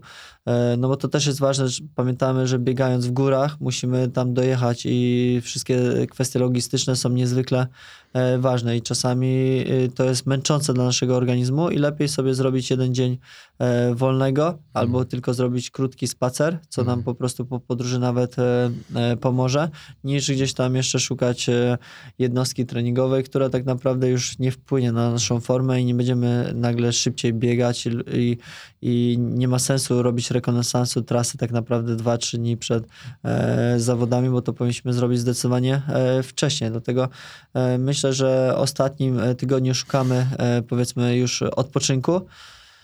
Czy do biegów górskich potrzebujemy akcent? Niekoniecznie, chyba że do, do biegów powiedzmy szybszych. To Mhm. jeżeli przygotowujemy się gdzieś tam do bardzo krótkiego e, biegu górskiego, no to warto takie pobudzenie jeszcze we wtorek powiedzmy zrobić. Zależy jak e, długo organizm potrzebuje na regenerację i kiedy taki bodziec jest e, wskazany, ale ogólnie ostatni tydzień raczej jest gdzieś tam treningiem podtrzymującym, e, bardziej odpoczy, odpoczynek od tej codziennej rutyny przez, przez kilka miesięcy. Najważniejszy rodzaj treningu pod ultra. Weźmy taki bieg siedmiu szczytów. Takie duże ultra. E, E, to jaki, jaki dla ciebie byłby Do najważniejszy zwycięstwa trening? czy do przebiegnięcia? Wiesz co, y, do bycia najlepszą wersją siebie danego dnia. Myślę, że no, mówimy o czasie, długim czasie trwania wysiłku. to Tak, żeby tak. już samo ukończyć ten e, wysiłek, to będzie coś. I myślę, że biegi e, o niskiej intensywności w zakresie tlenowym, Mhm. pierwszym i drugim, to będą chyba najkorzystniejsze dla takiego zawodnika. Mówimy o Dolnośląskim Festiwalu Biegów Górskich, czyli przewyższenia nie są zbyt duże, jak Tak. na Kotlinę Kłodzką. Wobec tego nie musimy też specjalistycznie przygotowywać się w górach, ale ten wysiłek fizyczny warto, warto wydłużać. No i na pewno proponowałbym biegi około nawet 60-kilometrowe, e, nawet w postaci marszobiegu, żeby gdzieś tam popracować w czasie trwania wysiłku, a nie Mhm. intensywności, żeby przyzwyczaić mięśnie do tego typu wysiłku fizycznego. I to nawet tak treningowo 60 km. Czy mm, myśl, myślisz, żeby startować? No i bo teraz weźmy pod uwagę, czy komuś się chce biegać 60 km na treningu. No E, tak. Jeżeli jest taka możliwość, żeby wystartować gdzieś, no to ja zachęcam do tego, bo to jest forma też sprawdzenia i możliwości. Czasami też e, zachęcam, żeby te 60 km nie wykonywać jakoś nadzwyczajnie mocno, bo też jak ktoś startuje, no to chce się pokazać jak najlepszej strony. Uważam, że też nie ma sensu jechać przez e, całą Polskę, żeby przebiec 60 km treningowo, ale jeżeli jest taka możliwość i termin e, powiedzmy takich, e, takiego biegu, wybiegania i startu się w jakiś sposób ukrywa, no to na pewno zachęcam i to będzie fajną możliwością sprawdzenia się, no ale ten czas trwania wysiłku będzie dla nas niezwykle ważny, jeżeli mówimy o takim fundamencie, żeby mhm. przygotować się do takiego biegu. No i kolejną rzeczą, oprócz takich biegów y, długich, no to przede wszystkim wzmocnić odpowiednio swoje ciało, no bo ten wysiłek fizyczny dla naszego organizmu będzie dużym wyzwaniem, mhm. no dlatego lepiej przygotować swoje mięśnie poprzez pracę sprawnościową, czyli wzmocnić mięśnie nie to, na, na siłowni, tak. ale no to to nam pomoże pewnie przygotować się, żeby później nie mieć problemu z kolanami, z biodrami czy ze stopami. Mhm. Albo z pośladkami. Albo z pośladkami. które nam odmówią posłuszeństwa. E, dobrze, jak myślisz, przed startem, czyli załóżmy, że start jest w połowie lipca zazwyczaj, e, kiedy taki trening na 60 km powinniśmy zrobić? E, na pewno 3-4 tygodnie, mhm. to na pewno. Ja bym go powtórzył nawet w dwóch akcentach, takich, żeby przebiec 30 czy 40 km w sobotę i pod wpływem zmęczenia tak samo przebiec w niedzielę, żeby wysiłek się powiedzmy nawarstwił. E, natomiast 3-4 tygodnie warto, warto taki sprawdzian sobie zrobić.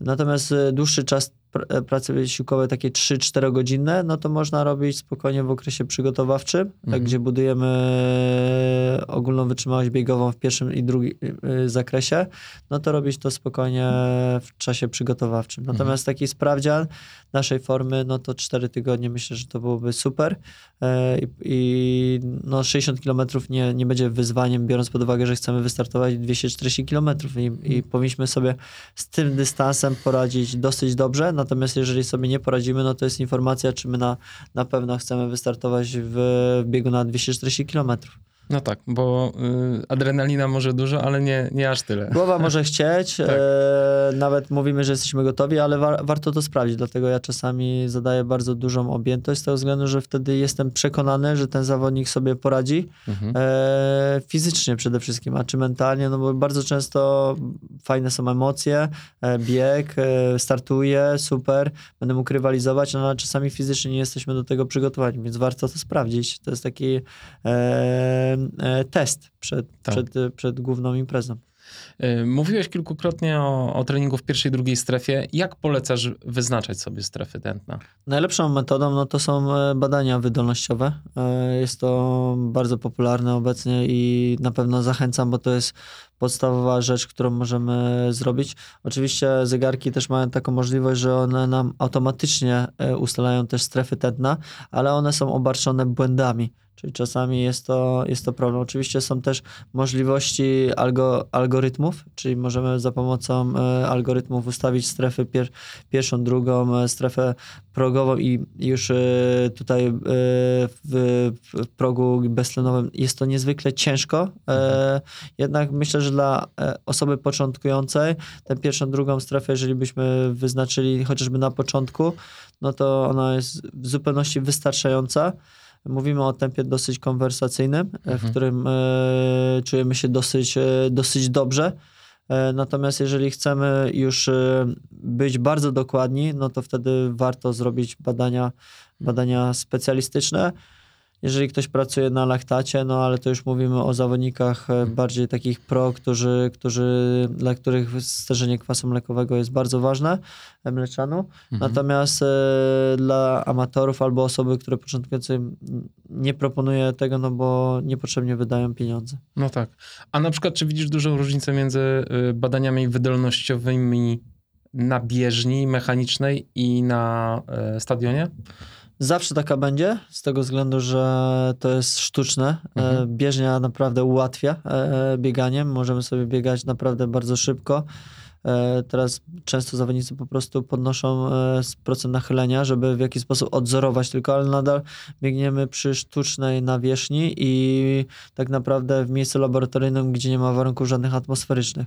Natomiast na bieżni mechanicznej jest to, e, na bieżni, na stadionie, na tartanie jest to mhm. pewnie korzystniejsze, no ale to też jeszcze technika nie jest taka, że musimy po prostu całą butlę targać ze sobą, No co też nie jest y, dużym ułatwieniem. Czyli nadal nie ma takich super standardów, ale myślę, że może w niedalekiej przyszłości będzie to łatwiejsze do zrealizowania. Jednak jak miałbym zachęcić, no to pewnie na zewnątrz byłoby to korzystniej, Mhm. ale bardzo często jest to niemożliwe. No właśnie, zawsze się zastanawiałem, y, jak to wpływa na same badania, bo jednak zawodnik się musi zatrzymać, krew musi zostać pobrana, bo w, w, w biegu przecież nie, nie pobierana jest krew, czy ja się mylę? Jeżeli chodzi o badanie bieżni mechanicznej, Nie, na tartanie właśnie. No, musi ten zawodnik się zatrzymać, No no, bo jest to niemożliwe, żeby, żeby raz, żeby biegać e, taki test e, progresywny, to ten zawodnik e, musi zwiększać prędkość, co Tak, nie tak, jest tak. tak. naprawdę, jeżeli nie zwiększa prędkości, no to, no to rozumiem, że wtedy, e, wtedy jest kłopot. No bieżnia narzuca o, od razu tą prędkość i wiemy, że nie ma możliwości, już ma. Oczywiście na bieżni e,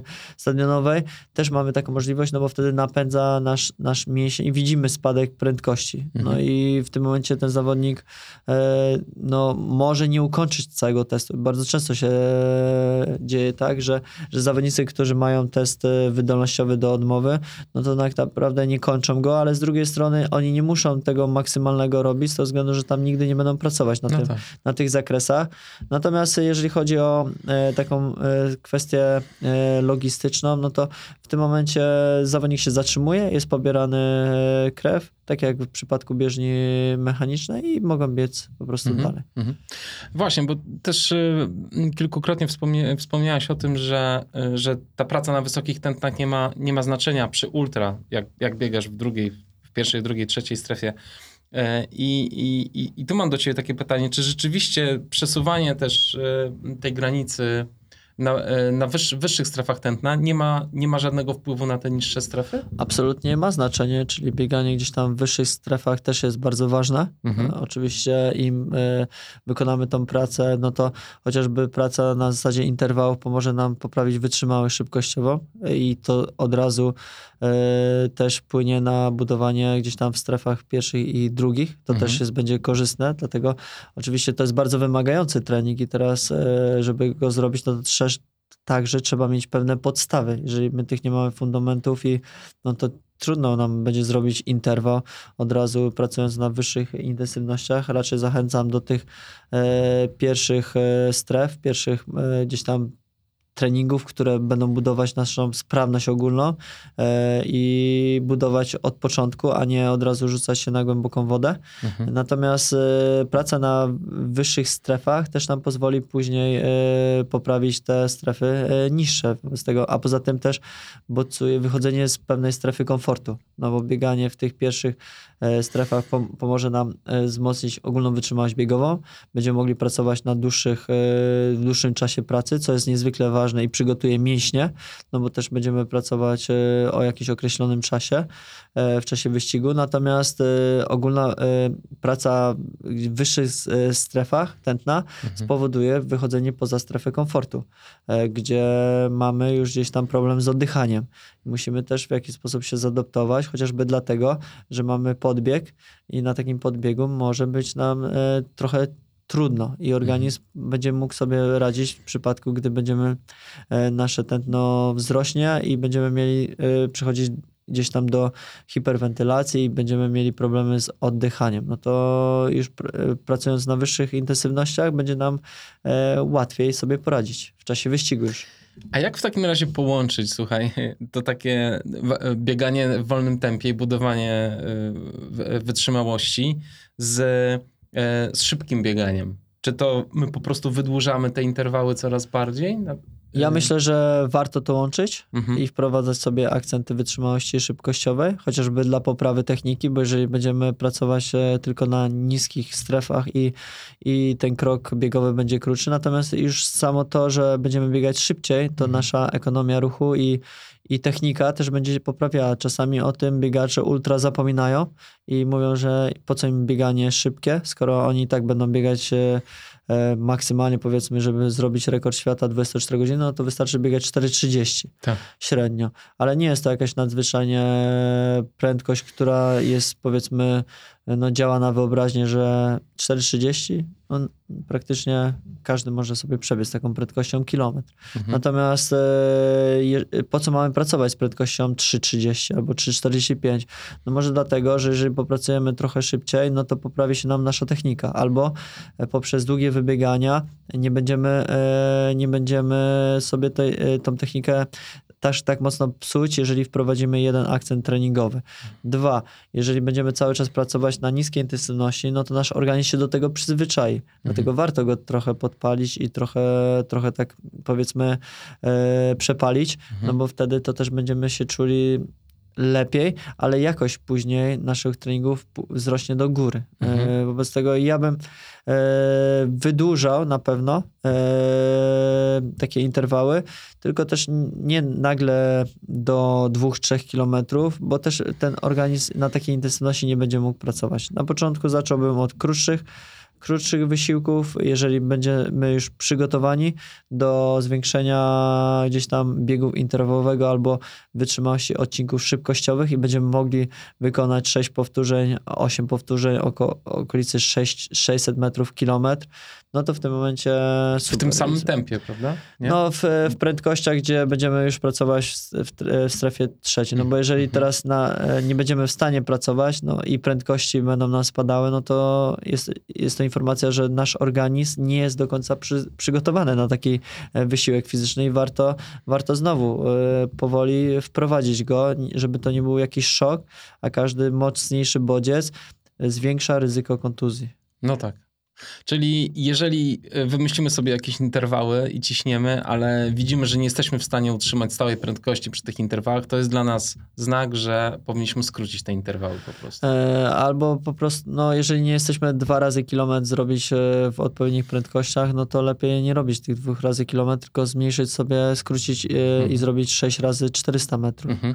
Czy czas pracy będzie po prostu krótszy. Na początek może zrobić interwał bardziej czasowy niż odcinkowy, żeby Mhm. się nie denerwować, że biegniemy z różnymi, tylko e, powiedzmy e, prędkościami, a raczej zrobić jedną minutę na jedną minutę czy dwie minuty przerwy. Bez Mhm. tego ten interwał będzie dla nas taki korzystniejszy. Natomiast e, też nie szukałbym jakichś nadzwyczajnie mocnych prędkości, e, bo też nie jesteśmy sprinterami. Przygotowujemy się do biegów górskich. E, być może e, podejścia, chociażby w okresie zimowym, gdzie osoby mieszkają w Warszawie, w Poznaniu albo nad morzem, mają problemy z bieganiem e, po górach. Wobec tego warto pobiegać na bieżni mechanicznej Mhm. i też wtedy popracują trochę w wyższych e, strefach, chociażby przyzwyczajając organizm do biegu na podbiegu na bieżni mechanicznej. W Mhm. jaki sposób imitacja e, terenu, który, z którym przy, przyjdzie nam się zmierzyć. Co prawda sztuczny, ale jest to, jest to, jest to, jak, jest to jakieś rozwiązanie. Jeżeli będziemy gdzieś tam przygotować się tylko na, na, na, na wierzchni, e, gdzie nie mamy możliwości trenowania w górach, no to trudno będzie później nam wykonać podbieg jakiś, no bo podbieg 100-200 metrowy to jest zdecydowanie za krótki, jeżeli będziemy gdzieś tam startować w Krynicy albo w biegach rzeźnika i w różnych biegach górskich.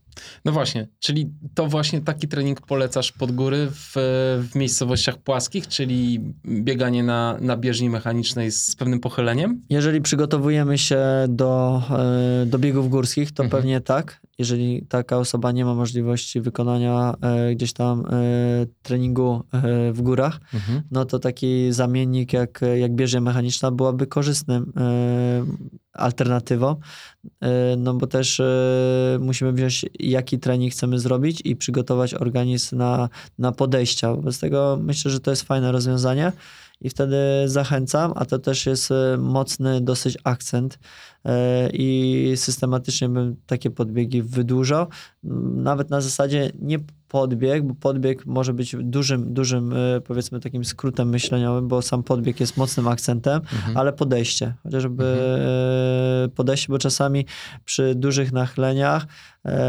lepiej podejść niż podbiegać, no bo po co marnować e, siły i, i, i tracić je przy tak długim dystansie, skoro e, koszty czasowe to i tak będą znikome, jeżeli będziemy podchodzić. No tak. A jeżeli właśnie mówimy już o podbiegach, to na przykład, wiesz, często stosowanym e, środkiem treningowym są, są, takie, są takie zadania jak, nie wiem, 10 razy 100 metrów pod górkę i powrót. E, czemu służą takie treningi? Co one tak naprawdę? Sam podbieg to jest mocnym akcentem siły biegowej mhm. biegaczy i nie każdy powinien ten, ten akcent robić, bo to jest bardzo mocny akcent. E, który też skracamy.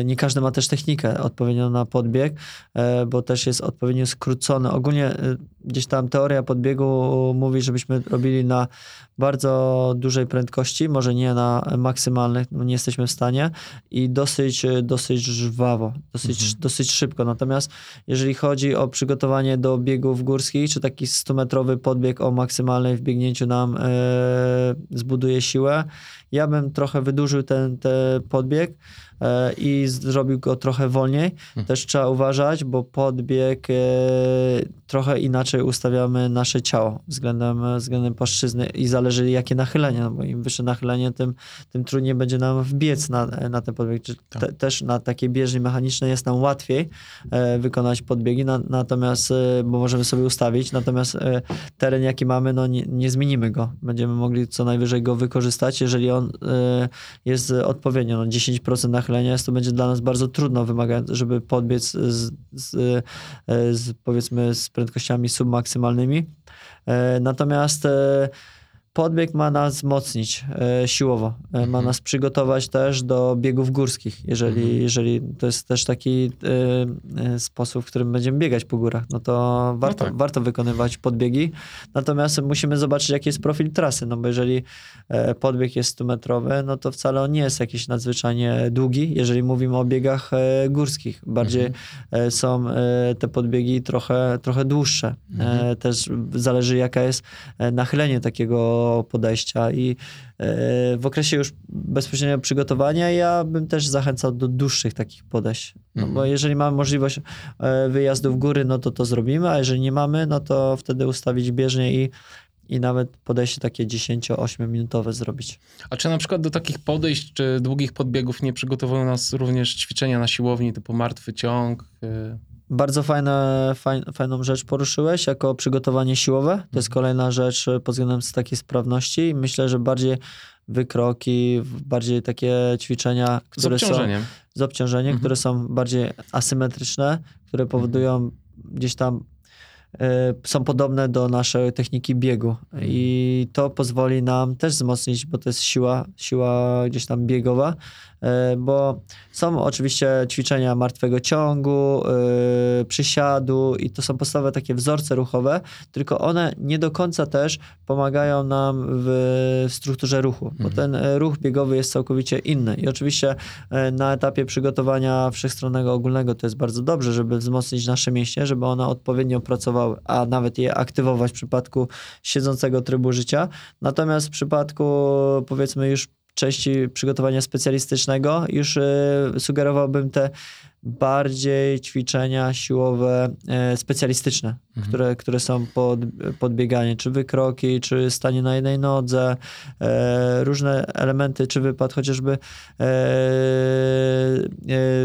e, spięcie na palce dynamiczne, pewnie więcej ćwiczeń plyometrycznych, mhm. E, czy bardziej bym szukał takich ćwiczeń specjalistycznych niż, niż stricte zwykłych okay. wzorców ruchowych. Ale siłownia, którą właśnie tutaj e, powiedziałeś, to jest no, niezwykle ważna. Mhm. Dobrze. To chyba wiemy, jak trenować. Dzięki, dzięki Sebastian. Słuchaj, chciałem jeszcze na koniec wrócić do, do Twoich marzeń sportowych, bo na początku o tym nie powiedzieliśmy, ale y, ty gdzieś tam na, na, na stronie klubu, z którym jesteś związany, napisałeś, że chciałbyś pobiec bed, Bedwater, Ironmana na Hawajach, czy przez pustynię się pobiec, po, pobiegać po pustyniach. E, nadal to są twoje marzenia? Jeżeli chodzi o plany, to takie, takie marzenia i plany zawsze, zawsze miałem, bo mnie mhm. interesowały takie ekstremalne wysiłki fizyczne i praktycznie do 2017 realizowałem, może załapczywie, e, bardzo, bardzo dużo planów i dużo, dużo celów, bo tak naprawdę Drugi start e, biegu 24-godzinnym, wicemistrzostwo świata, później bieg w Spartatlonie, co prawda nie, nie po mojej myśli, ale piąte miejsce, myślę, mhm. że to jest całkiem, całkiem niezły, e, niezły wynik. Później w planach e, bieg w Chinach, który już nie został zrealizowany. No i po pewnym okresie też e, była pandemia, kontuzja. Ja zacząłem pracować z zawodnikami, którym poświęcałem czas. Oni też przygotowali się do tych wszystkich zawodów, które, których ja chętnie bym wystartował i wiem, ile to pracy i czasu hmm. kosztuje, żeby takie, takie rzeczy zrealizować. A ja też jako ambitna, jestem ambitną osobą i chciałbym powiedzmy wypaść jak e, najlepiej. I jeżeli będę gotowy, oczywiście taki Ironman na Hawajach, ja też przygotowuję zawodników e, pod takie, takie cele, no to no jest niezwykle olbrzymie e, wyrzeczenie e, czasowe, hmm. też finansowe, żeby taki projekt zrealizować, ale myślę, że warto, warto próbować, warto marzyć, wobec tego ja też mam tego typu marzenia, być może w przyszłości je zrealizuję. Zobaczymy, jak będzie. A jakie jest dotychczasowe twoje największe osiągnięcie sportowe? Za jakie uważasz? Myślę, że no, jeżeli chodzi o cel sportowy, no to jest e, z pewnością Belfast, bo tutaj e, drugie miejsce na Mistrzostwach Świata pewnie było szokujące dla dużej grupy biegaczy ultra e, i wtedy rekord polski, co jest już nieaktualnym oczywiście. Biorąc pod uwagę, że to jest mój drugi wyścig, wobec tego no, to, to było duże za zaskoczenie. E, natomiast jeżeli chodzi o taki aspekt trenerski, no to z pewnością pewnie wyniki Aleksandra Sorokina e, i wszystkie, wszystkie rekordy. Wobec tego jestem medalistą Mistrzostw Świata jako, jako zawodnik i też e, prowadzę zawodnika, który jest mistrzem świata i rekordzistą świata w tych też imprezach. Wobec tego jestem spełniony po części powiedzmy jako zawodnik. Może jest małym niedosytem, ale też jako jako trener. No tak, ale właśnie jakbyś chciał się spełniać jako zawodnik, to rozumiem, musiałbyś trochę tego, tej swojej trenerskiej strony od, odpuścić, co nie? No bo potrzebujesz ten czas na, na trening i na regenerację, dużo więcej, prawda? Poświęcając się dla drugiej osoby, czyli pomóc w realizacji, no wymaga pewnych, pewnego czasu. E, no i ja muszę ten czas wygenerować i teraz jeżeli ja sam chciałbym się przygotować już e, specjalistycznie pod konkretne zawody i wypaść w nich dosyć dobrze e, i móc gdzieś tam rywalizować, no to ten czas też musiałbym wygenerować. Wobec tego no, to jest kwestia pewnych priorytetów i gdzieś tam szukania tego złotego znowu środka, w jaki sposób przygotować się optymalnie, a też, żeby moi zawodnicy byli zadowoleni z naszej współpracy, no bo teraz też priorytetem jest to, żeby zawodnicy w zdrowiu e, realizowali swoje cele i marzenia i kończyli projekty, co jest dla mnie niezwykle, niezwykle ważne. Mhm. A teraz cel Sorokina na maraton jaki jest? E, pobiec bardzo szybko. E, to, to jest pierwszy ważny cel. Co prawda on e, biegał, teraz trenował w Kenii i i trochę nie jest zadowolony z prędkości, no ale też nie jest maratonczykiem, wobec tego no, nikt nie oczekuje pewnie, że przebiegnie 2.01 e, mhm. i pobije rekord, rekord e, świata, natomiast e, no, chcielibyśmy, żeby 2.20 zostało połamane. Mhm. Myślę, że to jest niezły, niezły wynik, natomiast nie jest to wynik taki, że, że jak rekord świata na 100 km. Jednak uważam, że jeżeli będzie poniżej 2,20 to będzie e, optymalny wynik. Szczególnie, że to nie jest też cel yy, główny i to jest bardziej okres przygotowawczy do kolejnych celów. No właśnie, czy to jest bardziej yy, zachcianka Aleksandra, ten maraton, czy, czy to jest gdzieś yy, też droga i pomysł trenerski. Tak, to jest bardzo ważne, żeby zwiększać prędkość, bo im będziemy szybsi, tym, e, tym będziemy później nam łatwiej osiągnąć kolejne cele. Wobec tego no, e, to jest naturalne. Jeżeli chcesz biec 100 km poniżej 3,39, no to musisz być zdecydowanie szybszy niż jesteś. Natomiast yy, i czy to jest dobre? Absolutnie tak w tym okresie, z tego względu, że takie butowanie szybkości, wytrzymałości szybkościowej że w późniejszym okresie, gdy będziemy już pracować nad wytrzymałością i nad yy, mniejszą intensywnością, no to, no to te wyniki też będą, powinny być przynajmniej w teorii, a zobaczymy jak w praktyce, lepsze. Wobec tego no, to jest dobre rozwiązanie na, na, na danym etapie, szczególnie, że Aleksander w zeszłym roku startował w, w, na dystansie 12 godzin, 100 e, km i 24 godziny i wszystkie te wysiłki były ekstre, ekstremalne. Wobec tego mhm. takie zejście z objętości i szukanie e, intensywności i praca nad e, poprawą szybkości jest w tym, w tym okresie myślę bardzo korzystne. A jaki jest cel Aleksandra na ten rok? E, jeśli chodzi o. No właśnie, bo zostało mu jeszcze coś do pobicia, czy już tylko poprawianie własnych Tak rekordów? naprawdę nie, nie tak dawno ratyfikowali wszystkie rekordy, wobec Mhm. tego ma rekord na 6 godzin, 100 km, 100 mil, 12 godzin, 24 godziny. Został mu rekord na 50 km, 50 mil, 48 godzin, 6 dni. Myślę, Mhm. że na 50 km, 50 mil będzie niezwykle trudno do zrealizowania. 48 godzin z, te, te, z teorii wygląda dosyć prosto, ale czas trwania wysiłku jest dosyć duży. Sześciodniowy nie wiem, czy jest sens. Wobec tego Mhm. co jeszcze można, można zrobić? Można próbować poprawiać swoich e, wyników, które są w jakiś sposób e, dosyć, dosyć dobre.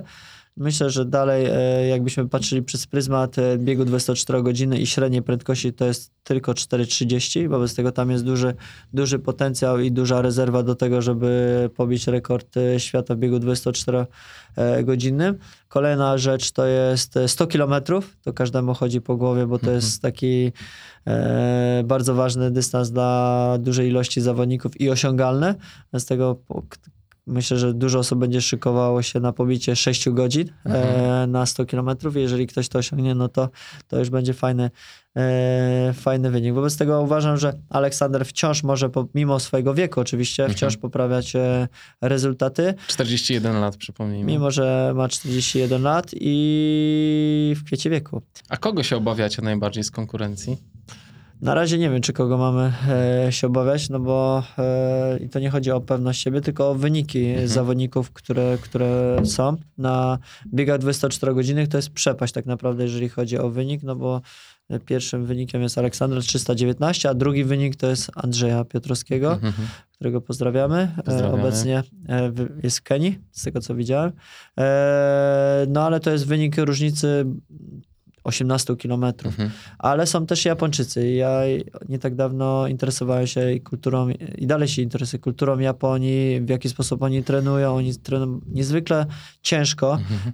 e, mają fantastyczny takie e, charakter do pracy e, i idealnym przykładem były Mistrzostwa Świata w 2022 w e, Berlinie na dystansie 100 km, gdzie i też ja byłem w w Londynie e, na, na maratonie berlińskim, gdzie e, dziewięciu chyba Japończyków w pierwszej dwudziestce.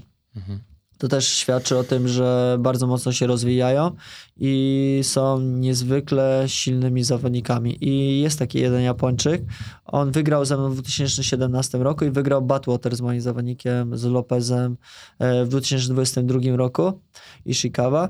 I on prawdopodobnie będzie startował w grudniu są Mistrzostwa Świata w biegu Mhm. 24 godziny. Być może on. E, jednak no, na dzień dzisiejszy nie widać jakichś e, powiedzmy zawodników, którzy mogliby gdzieś tam Zagrozić zagrozić Aleksandrowi, jeżeli chodzi o wyniki. Natomiast na dystansie 100 km jest in, inna sprawa, bo pewnie tutaj dużo osób się szykuje, żeby, no bo jeżeli Aleksander zrobił i bardzo dużo osób wątpiło w to, żeby pobić rekord świata, a przypomnijmy projekt Carbon X, w którym e, e, Wamsley tak, e, Mhm. próbował pobić 6.09, a Aleksander zrobił 6.05, e, Mhm. więc tak naprawdę myślę, że w Ameryce nie odpuszczą projektu cho- chociażby hockey i spróbują powtórzyć to. Natomiast też Kilian Jornet próbował pobić rekord świata na dystansie 24 godzin, pamiętamy w Tak. Norwegii i mimo to też mu się nie udało. Wobec tego to, To nie takie łatwe. to nie jest takie łatwe, jak, jak, się, jak się wydaje na papierze. Tak. E, dlatego trzymajcie proszę kciuki za zdrowie. No, jeżeli dopiszę, no to myślę, że będzie dobrze. Kiedy najbliższa stuwa jest? E, najbliższą stówę jest, e, jeżeli chodzi, no bo teraz mam kilku zawodników, to mamy Mhm. projekt e, na Litwie, w którym będzie projekt Sub Six. E, Mhm. e, niedługo pewnie będziemy informować. E, natomiast w Polsce też jest odbywa bieg 6-godzinny, więc część zawodników będzie startowało tutaj Mhm. w, w Polsce, w Warszawie. Natomiast część zawodników będzie startowała właśnie w Wilnie. Jeżeli chodzi Mhm. o 100 kilometrów, to będzie bieg kwiecień-maj. Okej. 6 godzin to u Pawła Żuka, tak? Na... u Pawła Żuka. Mhm, super. E, Sebastian, na koniec trzy książki, które byś polecił biegowe. E, Pierwsza to taka filozoficzna Mhm. e, i- Harariego. I tu bardziej polecam te trzy książki, bo jest Sapiens, Homo Deus i 21 lekcji XXI wieku, e, opowiadające o historii człowieka i jak sobie po prostu zawładnął światem i jak sobie radzi. Druga, myślę, to e, mój e, dobry przyjaciel tłumaczył tą książkę, to jest Siła Spokoju. E, Dan Milman, e, opowiadające też w jaki sposób pod wpływem trudności można sobie poradzić później e, po kontuzji i wrócić. I trzecią książkę, no to Umysł Mistrza. To myślę też bym polecił, no dodam jeszcze czwartą książkę, żeby, tak. żeby była, no to jest Can't Hurt Me Gogginsa. dla charakteru, dla takich wariatów. Tak. Tak. Fajnie, Sebastian. Dziękuję Ci bardzo za rozmowę i za, za całą wiedzę, którą nam przekazałeś. I powodzenia dla Ciebie i dla Twoich zawodników. Dziękuję bardzo. Wszystkiego dobrego i w przygotowaniach do zawodu. Dzięki, trzymaj się. Hej.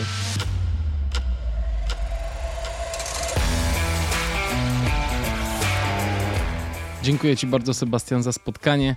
Gorąco polecam wszystkim śledzenie poczynań Aleksandra i Sebastiana. Już 19 lutego maraton w Sewilli. Bardzo jestem ciekaw, jaki wynik wykręci Aleksander i jakie nowe rekordy czekają go w tym roku. Może jednak pojawi się ktoś, kto będzie mu w stanie zagrozić. Melonik, kibicujemy. Drodzy patroni, dziękuję Wam serdecznie, że jesteście ze mną, zwłaszcza, że te czasy są niełatwe chyba dla nikogo. Czy wyobrażacie sobie, że podcast wspiera 640 osób? Ja to średnio obejmuję głową.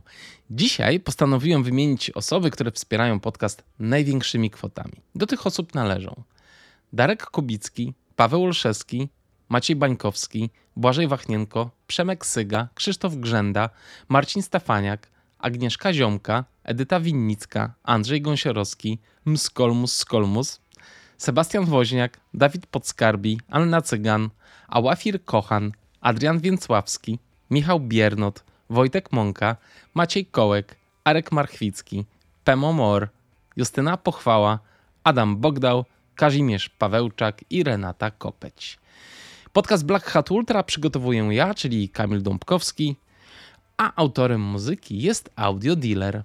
Jeszcze raz dziękuję Wam serdecznie, że jesteście i że słuchacie. Jeżeli macie jakiekolwiek prośby lub pytania do mnie, kierujcie je pod adresem ultramałpa.blackhatultra.pl i koniecznie odwiedźcie Black Hat Pro. A dzisiaj wieczorem, słuchajcie, za dosłownie 3-4 godzinki widzimy się w regeneracji w warszawskim klubie o 19 i będziemy balować z różnych powodów. Buźka.